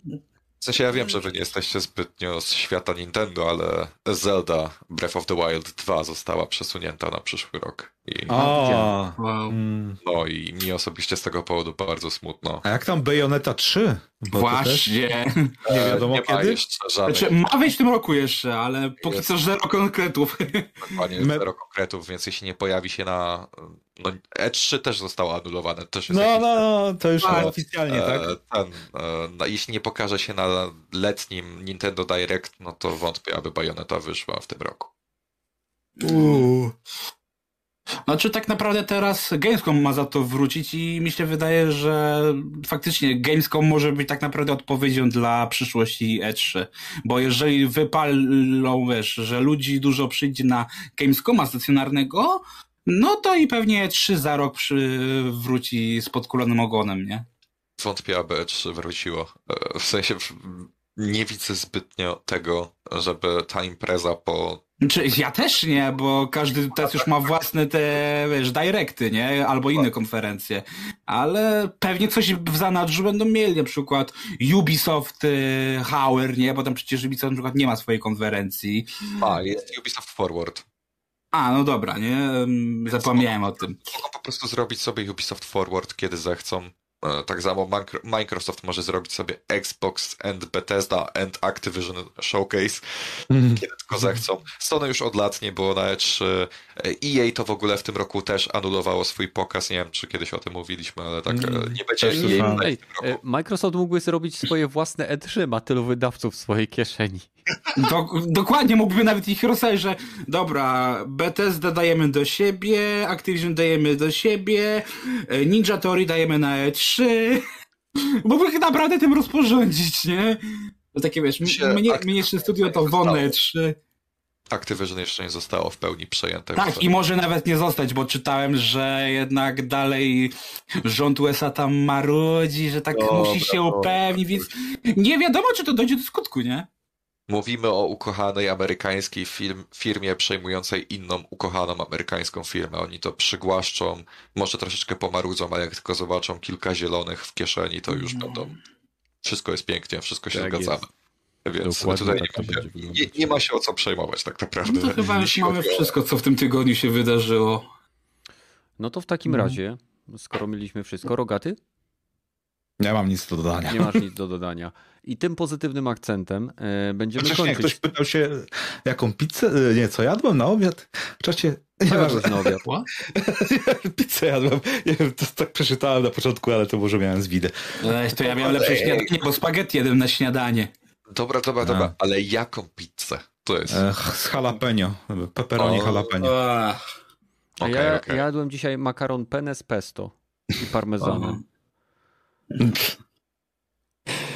Brzmi bardzo y, y, wykwintnie, ale to jest makaron z zieloną papką posypany serem. Mm. Zróbmy może taki kulinarny e, segment co tydzień, co? Bo W sumie tak, nie jest to zły pomysł w myśl tego, jest- co kiedyś ludzie się śmieli. Nie, To jest nie. Kiedyś ludzie się śmieli z tego, że ja jem w trakcie podcastu, więc mogę gadać o jedzeniu w trakcie podcastu. Why not? Hmm.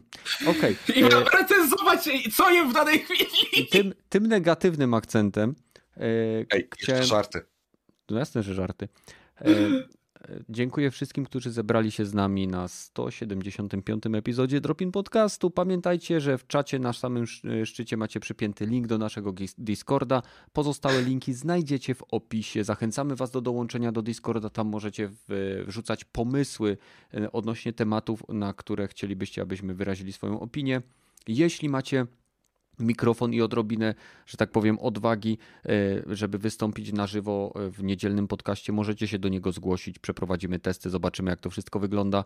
I, i e, to będzie wszystko. Zapraszamy Was na kolejne odcinki.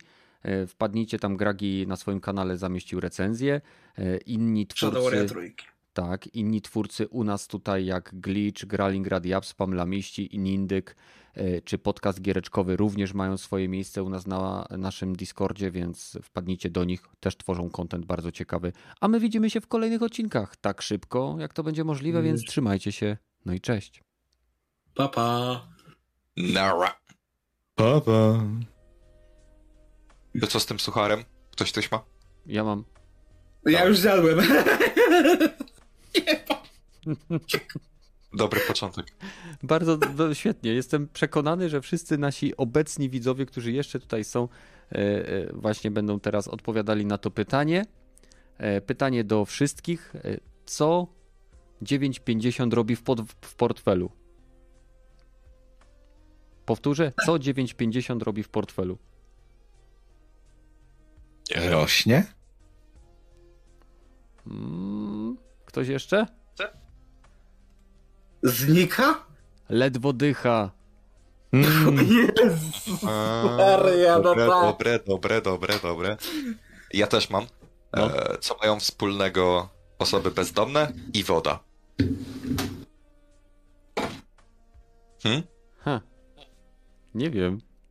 Gdy jest zimno na zewnątrz, to zamarzają. O, o mój Boże. Auć. Okropne. Boli tak. Wiem, Okropne. przepraszam. Ale no, trzeba szerzyć świadomość, tak?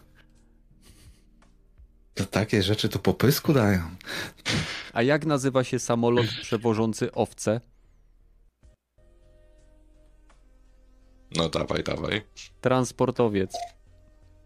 Eee, eee, To było do, przewidzenia, ale no cóż, no. No cóż. Dobrze.